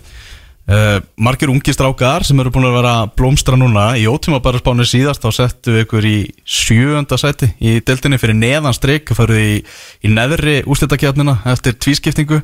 Af því sögðu öll liðin sex sem eru á það fyrir framann að virkilega öflug, öfluglið en þetta er það er einhvern veginn erfitt að, að, að, að svona er, þið, eru, þið eru svona að valda van, vandræðum Já, fyrir svona okkur sem erum, að, erum að reyna, reyna að spá fyrir þetta við veitum ekki alveg hvað við erum að setja ykkur Nei, ég skil það vel og mm. það er líka bara gaman að því að, að vera alltaf óskrifa blað mm. og uh, við viljum að sjálfsögðu gera betur enn í fyrra sem var sjöfunda sæti eins og, og þið eru að spá okkur. Og uh, ef við ekki að byrja því að vera þá að, að hafa markmið að vera í efri hlutanum sem er þá í top 6 og taka þátt í, í þeirri keppni þegar hún kemur, þeirri úrslita keppni sem verður í oktober og uh, þannig að það er svona kannski fyrsta markmið. Við hefum eftir að setja okkur uh, endanlegt -hmm. sem við gerum, við erum að fara ælendi sem núna 2005 til Spánar í æfingarferð og þar munum við setjast niður og, og ræða þessi mál betur með leikmannahópnum mm. setja okkur óskrifa blað, maður skilur það kannski alveg að vissan hátt en, en uh, liðin sem eru í efri hlutanum sem hafa verið að spá, hafa verið að sapna fullt af leikmönnum og erlendu leikmönnum og, og fleira, ég myndi segja að þeir varu svona kannski meira óskrifa blað en það hafa þessi lið verið að uh, úslitin á þeim hafa verið upp og niður á meðan við erum búin að vera alltaf stabilir. Og við erum mjög sáttu við okkar framistuð enn sem komið er en, en, uh, en það verður gaman að spila móti stórulegunum sem að þið, þið, þið kallið og, og sjá hvort að við séum ekki bara á, á söpum stall og þeir. Þarna óneittalega feskir vindar með í stjórnunni núna og með, með þessum svona ungu stráku sem er að fá stærra hlutu er svona ákveðin kynnslóðaskipti sem er, eru að eiga sér staðarna og pressa er það ekki svona orðið sem að mest er notað þegar rættur um svona stjórnuna á undirbúinstíðabilinu? Nei, ég, við setjum búum til okkar eigin pressu og Já. setjum okkar eigin pressu hvar, hvar við viljum vera og, og uh, það er alltaf bara skemmtilegt að vera með hann hóp og ég held að ég og Jökull Elisabethsson séum í sennilega einu mest spennandi starfi í, á Íslandi í dag með mm. alla þessa gullmóla í höndunum og, og, uh, og þetta verður bara greiðlega spennandi eitt spennandi, mest spennandi verkefni sem ég hef tekið af mér og uh, Við byggjum mikið á, á framistöðu og, og, það er aldrei breytt lið frá því fyrra og, og við ákvæðum það þegar við tókum við að, að eh, breyta aðeins uh, taktísku liðinni og vera með aðeins meiri betri laupatölur og meiri ákjæð og, og, uh, og það hefur sínt sig að hefur skilað góðum úslundum og þetta gerist þetta fyrst og fremst inn á æfingarsvæðinu og við erum búin að taka mikið á því. Við byrjum, byrjum fyrir árum að æfa æfa fimm sinnum í viku en, en við ákvæðum að bæta einni aukaæfingu við þannig að við erum að æfa sex sinnum í viku. Og uh, á há intensity þannig að, að og það hefur skilað sér í, í að í þessum úslundum en aftur á móti er stutt á milli og við erum að spila úslunda leik eins og við nefndu áðan. Við erum að spila við Akaranes á, á mánudaginn sem er í rauninni líka okkar fyrsti leikur í, í bestudeldinni þeir koma í heims og til okkar og, og við spilum á, í miðgarið á, á mánudaginn og, og anna- enn einn úrstölda leikin þannig að það er ennþá við erum að þessir ungu strákar eru að fá fullt af skemmtunum leikjum. Já. og, og uh, þannig að þetta verður já það er næsti leikur og, og við þurfum að, þurfum að vinna hann til að, til að komast áfram í, í undanúsluðum og defa Er hérna aðeins um jökul bara hérna að þú talar um æfingar og, og, og þannig hérna það fer svona rosa, eða svo- það fer gott orð á honum. Að hans pælingum og öðru hvernig, hvernig er svona, hvernig byrjar þetta samstarf ykkar?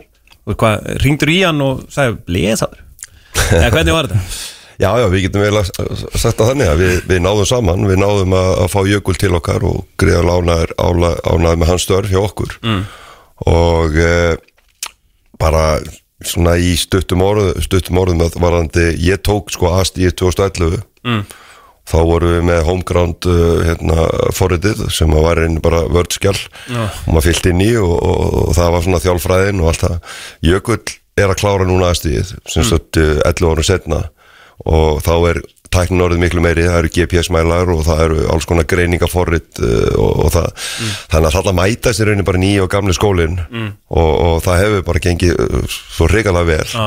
að, að uh, ég er alveg mjög ánað með að, að hafa fengið hann. Já, já, Þarna tölum, tölum við um þessa ungu stráka sem eru svona að, að koma upp núna en það er náttúrulega slatti af reynslu miklu mönnum sem voru einni með í, í hópnum og, og fær náttúrulega Óskar Örn Haugsson sem er já, bara hókin af reynslu og hókin af titlum og, og allt saman. Hvernig er bara að fá Óskar Örn Haugsson til að vera bara á svæðinu bara með, með liðinu? Já, presens og Óskar er náttúrulega uh, frábært og, og hefur líka mikil fyrirmynd fyrir okkar ungu stráka og líka eldri og okkur þjálfarana, setur okkur á tætnar ef hann segir eitthvað þá hlusta menn. Það er nokkuð ljóst. Hann hefur gert þetta allt og unnið þetta allt. Þannig að frábært að fá Óskar inn í hópin okkar. Uh, hópurinn er eins og ég segi, við erum með 10-11 leikmenn úr öðrum flokki sem er aðeins með mestarflokki sem er bara, ég var með 7-8 stráka í fjölinni á sín tíma og mér varst það svakalega mikið, Já. hvað þá að vera með 10-11 það er, það er hann bara með ólíkiðum og, en, en sem er bara skemmtilegt líka. Og svo erum við með Óskar og, og fleiri eldri stráka uh, eða, ég ekki að segja fullóna kallmenn sem er góð blanda uh, það vantar kannski aðeins inn í hópin er þessi millialdur strákar svona frá uh, ef ekki að segja 95 og upp í 2000 það eru mjög fáir, ég man ekki hvort það sé einhver. Og uh, en meðalaldur liðsins gæti alveg verið 24-5 ára en, en engin leikmaður sem er 24-5 ára í liðinu. Já. þannig að það er svona þú horfir á leikskísluna og, og, og meðalaldur og annað. Þannig að en já, frábært þú Óskar. Og gerir, gerir vel fyrir okkur. Gott að krækja. Ég, ég ætla að mynda að segja, þú veist, ert með 10-11 leikmenn í öðrum flokki og svo kemur bara Óskar Örn hann inn og segir ég myndi, ég myndi bara gera þetta svona. Þú veist, það hlýtur að vera bara, þetta er bara þriði þjálfarinn sko. Já, já, alveg, alveg, alveg klárlega og maður sér það líka í leikjum og fyrir æfingar og eftir æfingar þá er hann ofta að spjalla við strákana og, Já, og maður ok. sér alveg sko þeir alveg hlusta, hlusta vel og, og uh, taka vel inn það sem hann er að segja mm -hmm. Hvernig er hann að bæta eitthvað frekar við, við hópin á, á síðustu vikunum fyrir, fyrir mót? Já, við erum búin að fá við erum búin að fá fjóra leikmenn frá því að, að við tókum við og uh, allir á uh, mismunandi stað í, í, í aldri og, og, og annað. En uh, ég myndi vilja fá eitt til tvo leikmenn fyrir, fyrir mót og uh, og mögulega eitt, tvo leikmenn í glugganum. Þetta er langt mót eins og við vitum og 27 leikir. Þannig að maður þarf að hafa feskafætur og, og, og góðan og stóran hóp. Já, þannig að Hvernig, hann í hvað stöður viltu styrkja? Í raunni uh, það er enga sérstakar stöður Mm. við eigum nóg að hafsendum, vitum við Mhm. og uh, þannig að mögulega fram á við Mhm. en ekkert einhver ákveðin staðabind því að við erum í þannig taktík og ákjæð að, að, ef að maður skiptir út leikmanni þá er það oft í, í fremstu stuðunum Mhm. þessir aðalir eru búin að hlaupa mikið í leiknum og kannski ná ekki að anna 90 mínútum og, og þá er gott að hafa feska menn sem að geta leist þær stöður Mhm. á sama hátt og þeir leikmenn sem kom út af. Og það er svona okkar svona það sem við erum að skoða. Þarna Emil Allarsson búin að vera drúur fyrir ykkur og flottur á, á undirbúrstíðabilinu vantilega vonast þið þess að svona, hann taki þetta með sér inn í, inn í deildina og svona, já, bæti við mörgum þegar eh, út í, út í sumarið er, komið. Kannski vanta eins upp á það hjá hann að, að hann hefur ekki verið að raða inn. Nei, það, það er alveg rétt en, en með nýjum áherslum þá koma breytast menn oft og, og Emil er einn af þeim á samt ungu strákunum að, þeir eru að standa sér frábælega vel og eru að skora, ég held að við séum að skora í þrejum fremstu stöðunum með 20 mörg uh, held ég og uh, sem er bara nokkuð gott og þá hugsa maður á maður að fara að breyta einhverju þar, einhverju DNA-ið þar, fá einhverju öðru sér leikmenn inn eða, en, en við höldum okkar stefnum en þá og, og, og viljum keira þetta inn í sumarið. Já, Þarna voru þið að reyna að fá Hall Hansson þarna uh, færiska landslýsfyrirlega sem fór í, í káver Já, hann var á blaði hjá okkur. Ok. klárt og, og, en hann eins og ofta áður með leikmenn þá þurfa að velja á milli og hann valdi K.R. sem, að, sem er bara gott sem er bara gott Já, já, þú veist það er alltaf lægi, menn hann velur K.R. ég Já. grenja það ekki að, að, Það er bara og við erum með góða leikmenn í þessum stöðum þannig að við notum þá Hvernig er hérna, uh, förum aðeins að því að leikurinn á móti skaganum er náttúrulega í miðgarði, ég, ég hef ekki farið inn í. Hvað hérna, þú veist, þessi höll, þetta hlýtur náttúrulega bara, þú veist, mér hefur allan að veturinn í, í vetur, veist, ef, verður, ef þetta er framtíðin að verði svona ve vetur, uh, þetta hlýtur að gjör bara bylta öllu starfið þarna í, í Garabanu. Já, það gerir það, við erum með reynda frábæð svæði upp á, á upp í Áskarði og, og Samsung völlur Já, já, það er fullt af öllum þar og við viljum nýta þá eins mikið og hægt er það er, kemur ekkit í, sko, það er best að vera úti í andurslóttinu Já, og, fá gott já. loft og spila fótbolta í, í smá úða. Það er það besta sem þú færð. Fara aðeins í klefan sinn líka Já, það er, þetta tikkar allt í bóksin Já, já. en, en uh, Mikar eru frábært hús og, og uh, þetta er náttúrulega risavaksið og þetta, þetta er gríðaleg bylting fyrir, fyrir Galabæ og uh, mér finnst mest í koma er að vökunarkerfið hann inni þetta er svona fyrsta sinna tegundar á Íslandi. Já. og þú opnar bara einhverja stúta hann og það bara uh, vatnið flæðir hann um allt eins og, eins og er búið að vera að gera síðustu vikur en, en, en, á, en þetta er að mannavöldum þar sem við getum Já, Þetta er stýrt. Já, já, stýrt að mannavöldum þannig að við uh, það er mikil munur að vera inni og geta verið á, á blötu grassi og hald, gó- haldi góðu tempói. Já, já. Uh, og það er það sem við erum að gera þegar við æfum þar þá er alltaf bleitt vel og, og uh, já, þetta er bylting. Yngri flokkarnir geta eftir þarna og við getum eftir þarna það er nánast eins og við viljum og, og þetta bætir, bætir okkar leikmenn og, og okkar yngri flokkar starfsemi. Það er nokkuð ljóst. En það kemur ekkit í staðin fyrir að mæta mæta klóðan fjögur og fara í klefan sinn og taka smá klefastemmingu og, og allt þetta Nei, það gerir það ekki. Við erum, þegar við æfum í miðgari þá hefur við yfirleitt uh, mætt bara upp í klefan okkar upp á, á Sámsnúvöldi og, Já, og, já. og uh, svo keira menn bara yfir, tekur, tekur þrjár, fjóra mínútur að keira og svo ertu komin að æfingu. Við erum reynda með aðgengi líka að flottum klefum inn í. Já, já, já, Þannig að við nýtum það líka. Já. En svo fara menn í pottin bara upp, á, upp í áskarði og, og uh, taka sitt, sitt prógram. já, já, já. Þannig að aðstæðana í, í Garabænum er uh, algjörlega til fyrirmyndar og í, bara í toppstandi. Það er í, rauninni ekkit út af það að setja. Ef að fara þá í, í vondu fréttinar uh, meðsli Hilmas Átna Halldórssonar sem, að- sem að slítur þarna slítur crossbönd í, á, á Akureyri og það er náttúrulega vita það allir sem hafa fylgst með fótbolta að þetta fer bara einn allra, allra besti leikmaður, bestu deildarinnar verður ekki með stjórnunni í, í sumar. Þetta er bara gríðalegt áfall bæði fyrir hann persónulega og fyrir deildina fyrir ykkur. Já, ég hef nú alltaf gegnum tíðina verið móteri Hilmas og það er alltaf jafn erfitt að mæta honum af því að hann hefur ótrúlega marga góða, góða kosti sem leikmaður hann verður að leggja upp og er búin að skora mikið af mörgum í gegnum tíðina í, með stjörnunni og, og, og það er aður náttúrulega með leiknir. Uh, Já, það er mikil það verður missir að hafa ekki Hilmar á, á næsta tímabili og, og við þurfum að og í rauninni þá vest fyrir hann sjálfan að þurfa að fara að gangi gegnum þetta. En hann er búin að mæta eftir að hann fór í aðgerina þá var hann búin að mæta hverja einustu æfingu og hvernig einasta leik og fylgja okkur og, og við munum uh, líklega hérna, ja, klárlega nota hans uh, kosti uh, inn í okkar hóp nýtan eins eins mikið á hægt er.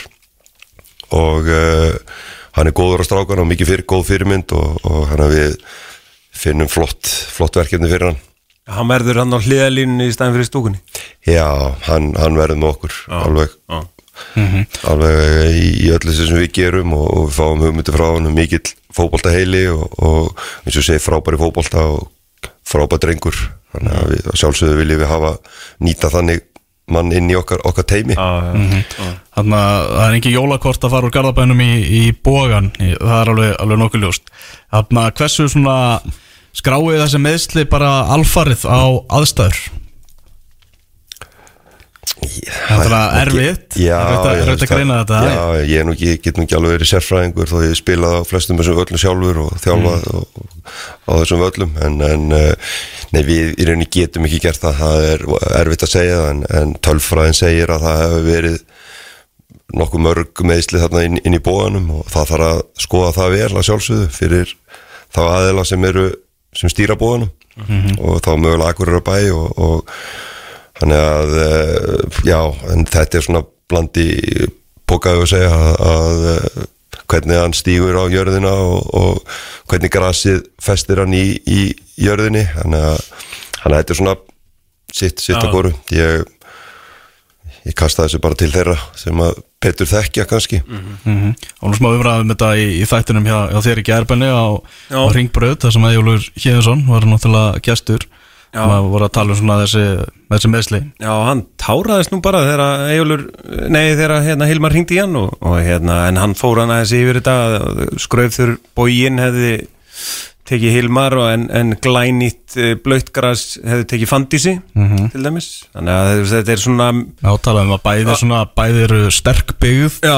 svolítið svona koma óvart að þau hefðu slitið crossband sko, um mitt, þannig að hérna Svo er ótt líka spurning um uh, skópúnað af því það eru til sérstakir gerurgar skór takkaskór fyrir já, fyrir gerurgar eðla og það eru til graskór og uh, í þessu tilviki þá held ég að, að Hilmar hafi verið uh, í gerurgarskó þannig að það er ekki alveg hægt að kenna því um.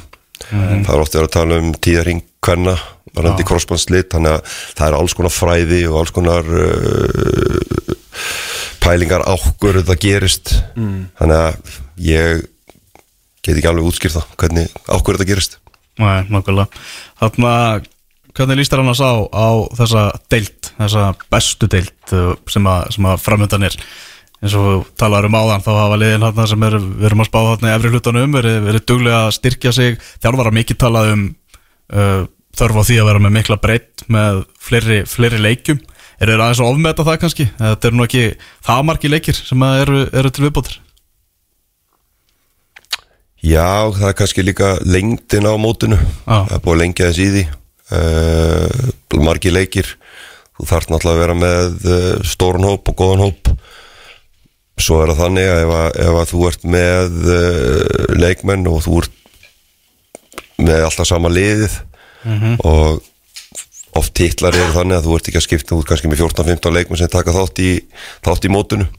Eða þú ert að fara að spila með spila 25 leikmennum í gegnum mót það er yfirleitt ekki árangur á, á því. Uh, þannig að það er svona margt sem að spilar inn í en, en ég gríðarlega, gríðarlega ánað með þetta fyrirkomulag. Og spila 22 leiki og svo fer þetta upp í efru og neðri hluta og, og þú spila svo 5 leiki þar eftir. Þar sem þú færð loka niðurstöð þetta er svona kannski líka að gera auðvöld fyrir að, setja sér markmið fyrir hópin og, og vera þetta er 50-50, þannig hvort það ert í efru hluta eða neðri hluta. Og svo gerir þér markmið eftir það viltu vera í, í Európa-kjefni eða fyrsta sæti eða hva, hva, hva, hvert ætlaru halda þér í deild eða annað. Þannig að eh, okkar eins og ég nefndi hérna til að byrja með okkar fyrsta markmið er að, að vera í efru hlutanum. Og uh, en þetta verður vonandi bara skemmtilegt mót og það er stutt, stutt í þetta.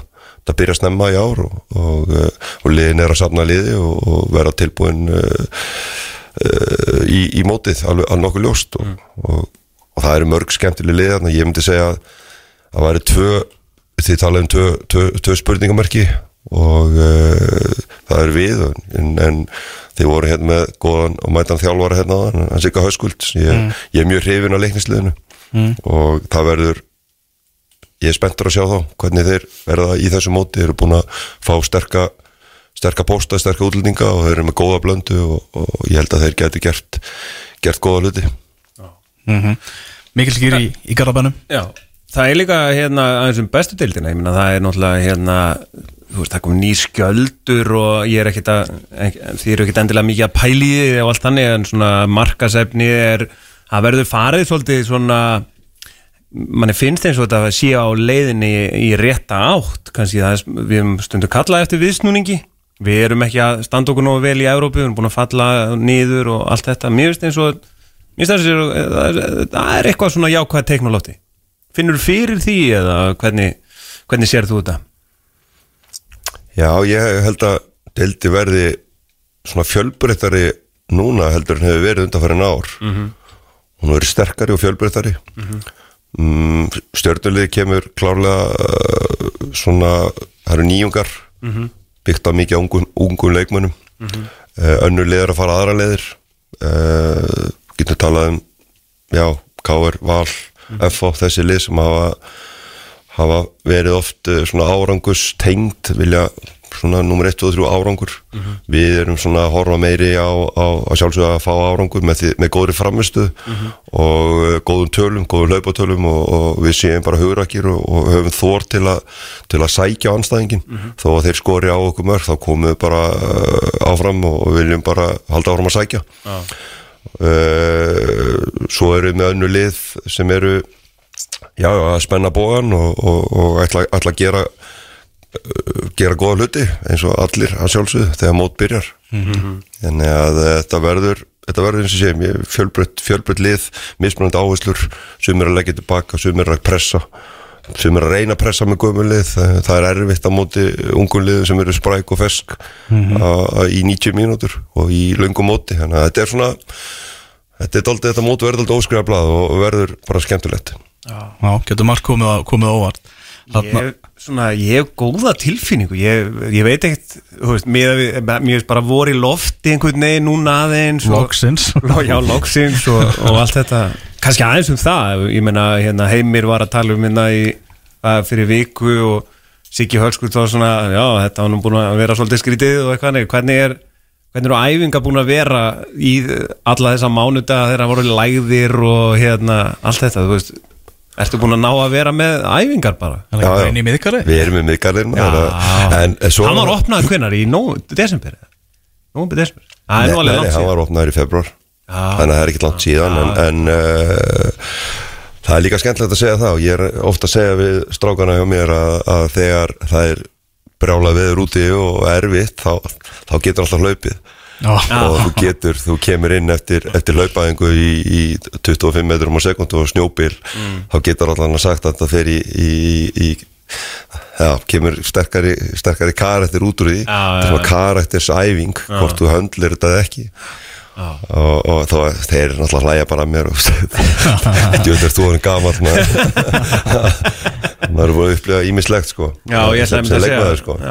En þú getur allan á hlaupið, þú getur farið í gimmið og getur tekið á því og, og, og, og það erum við búin að vera að gera alltaf mikið frá, síðan í, síðan í nóvumber en það erum við í mjög góðu standi og góðu formi og menn geta hlaupið hlaupið meira heldur enn í fyrra. Og við erum kröfturi, við erum betri fótbolta og við viljum vera í betri pressu og, og fá góðu slitt og fá með okkur alltaf okkar stuðnismenn og maður ekki gleyma þeim sem er og, Já, einmitt Þið er náttúrulega, sko, það lí- lítur að líka vera smá kostur og meðbyr með það að vera með svona heimalinga menn sem að kannski bara nánast voru upp í stúku bara fyrir tveimur árum að hvetja lið og þeir eru konin nýr á völl sko. það lítur að svona, svona hvetja silfurskeiðin áfram að Já. vera með sína sitt fólk Já, það, það er auðveldar að öskra áfram stjarnan þegar eru bara öskra á sigga sem að satt hliðin og þeir áðan sko. Já, ég uh, setja þetta þannig að við einblýnum þetta á framistöðu og það er, við erum búin að vera þetta mikið að gera það. Að þú hlaupir aðeins og, og, og að það eru gæði, það er mikið gæði í þessum strákum. Og, og sem að hafa kannski ekki verið alveg upp á borðum í gegnum uh, allan ekki á síðast ári. Að, uh, en allan að og, og síndu svo gæðin út frá, út frá, út frá því þá, verð, þá færðu áhörundu með þér. Já.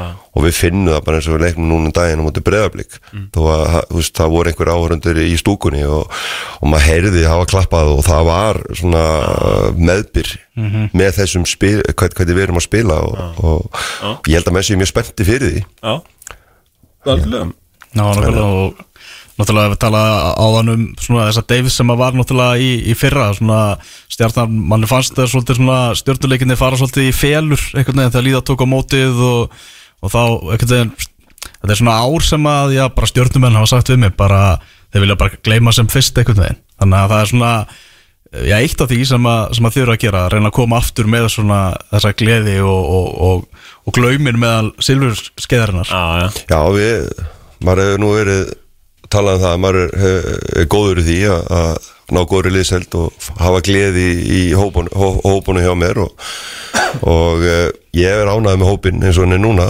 Uh, og, og það mun uh, eins og ég segi framistæðin er, er, er mikilvæg fyrir okkur. Og við fáum meðbyr og fáum alla með okkur ef að framistæðin er góð. Og, en stundum er það þannig að þú, þú tapar leikin þró, þráttur að framistæðin sem góð það er stundum þannig. En þú vinnur oft fleiri leiki ef að framistæðan er góð. Þá getur sapnað í púkið og fleiri stig. Ég hef átt að segja að það væri voru í lofti Já, hérna veit leið og ég sagði þetta og þi- dimdi svona yfir, ég var ekki alveg viss hvað hefði gerst Já, ég var, ég var að horfa hérna út, ég var svo þrótt þróttarann að vera að hita upp hérna, er að spila mútið reyni hérna í lögadalum Já, og, nei. og ég er svona já, þeir geta allan, eins og ég sagði aðan þeir geta allan að hlaupið í leiknum að, hvort að leikunum verið skemmtilegur ekki en það verður að koma í ljós. Það er ekki lengur voru í, voru í lofti þetta var einhvern Já, já, já, þetta gerðist bara. Nákvæmlega, það eru fimm vikur í, í bestu deildina og, og það er maður finnur það bara með hverjum deginum að, að, að spennan er að, er að byggja Já, og líka bara, ég minna eins og við vorum að segja að hérna, það er stjarnan í að í miðgarði og maður er svona einhvern veginn, já, er þetta þriðna, heyrðu, það er frábært, heyrðu, ég mæti. Og nú maður er svona farin að stilla klukkuna eftir að fara og horfa á fótbollan, sko. leikurinn á mánudaginn kl. 7 í miðgarði og ég hvet fólki til að, fólk til að mæta og, og Já, ég sagði þriðjudaginn Já, það er mánudaginn. Þannig að Mánudaginn kl. 7 Já. og það er líka uh, það sem hún nefni það að þessi voru lofti þá, þá nefndi Óskar Örn Haugsson okkar, okkar maður hann uh, nefndi að að nú fyrir að kýtli maður, nú stýttist í mótið ég finn það hann var, hann, uh, þegar hann segir það þá er lóan, komin. Lóan er mætt, það er bara þannig. Er það er að vinna Brighton 2-0 þar sem að Mo Salah skoraði annað mark Leifupúl eftir að Luis Díaz hafi komið púlurum yfir þannig að Leifupúl menn í, í góðum álum Þú ert Leifupúl maður, gústu það ekki? Nei, reyndar ekki, ekki? ég er United Þú ert United maður, alveg rétt. United maður, en ég horfi ég, ég, verði eiginlega að viðkjanna það, ég horfi meira á Liverpool heldur United. Já, Já, það er svona kannski meiri Það er ekkert að Já, já, já, já það er ekki Það er það það er já, það maður þarf að leita í skemmtarnagildið, það er stundu þannig. Já, þetta er, það er hluta af þessu. Já, nákvæmlega, hvern viltu fá sem næsta stjóra United? Já, já, þetta er búið að vera svo mikið þungliti svona í gegnum tíðina. Að ekki bara fá Ferguson aftur eh, bara fá álveru, manni í þetta. Það kann ekki að tapa fótbollalegjum það væri alveg kostur að hafa hann. Og hann er hvað sem er á öllum leikjum. Já, einmitt, fá, hann bara á svæðið og hann lítur að geta snúið þessu. Já, nákvæmlega. Þannig að En er ekki bara þessi nútíma stjórar að flækja þetta? Ég meina, ég man eftir hérna í, er ekki í Class of 92 myndinni þar sem, þar sem þeir eru að tala um að þeir hafi hort á einhvern leik e, fyrir einhvern leik, þá horfðu þeir á mymband af gæsum. Ferguson var með mynd af gæsum og hann sagði, sjáu þið fórustufuglin hann flýgur þetta alltaf farið þið út á völlin og, þú veist, og maður er bara, ha, var þetta málið það? Var þetta það sem gerði hann að svona geggjum, þú veist, hann var með svona einhverjar nýjar pælingar og eitthvað? En samt, Leiti gæsunar já þú veist, þetta er eitthvað svo Já. þú veist, er ekki verið að flækja þetta allt og mikið einhvern veginn með taktík og tölum og XG og eitthvað? Það, það er okkur það sem ég nefndi á hann þið munir sjá fjölbyrjuleika á liðanum í sumar í bestu deildinni og það er okkur þetta. Sumir eru að flækja hlutina, sumir gerir þetta á einfaldan hátt. Og úst, þannig að það verður ég held að einfaldleikin uh, vinni mótið ár. Það verður frólægt að sjá. Amen. Nákvæmlega, Heyrðu, þátturinn er, að, er, er á enda. Fengum tvo þjálfara úr bestu deildinni. Siggi Höskulds var með okkur hérna fyrir hlutaðan fór hérna yfir svona fréttir, fótboltafréttir vikunar og svo Ágúst Gilvason með okkur hérna uh, setni, setni hlutan. Bara takk hjálpa fyrir komuna Gusti. þú ert að fara að, að, að heimsækja þitt gamla félag í, í kvöld Já, já, það er uh, fjölnis, fjölnisblótið að vera að mæta þar í gráin og kaupa klæði sig upp í sitt fínasta pús og, og, og hitta gamla góða félag Nákvæmlega, við segjum bara góða skemmtun. Við hlustendur, þá segjum við bara takk fyrir að hlusta. Heldur betur. Útastáttur fótbolti.net er á enda þennan lögadag en verðum hérna aftur næsta lögadag, þanga til, verðið sæl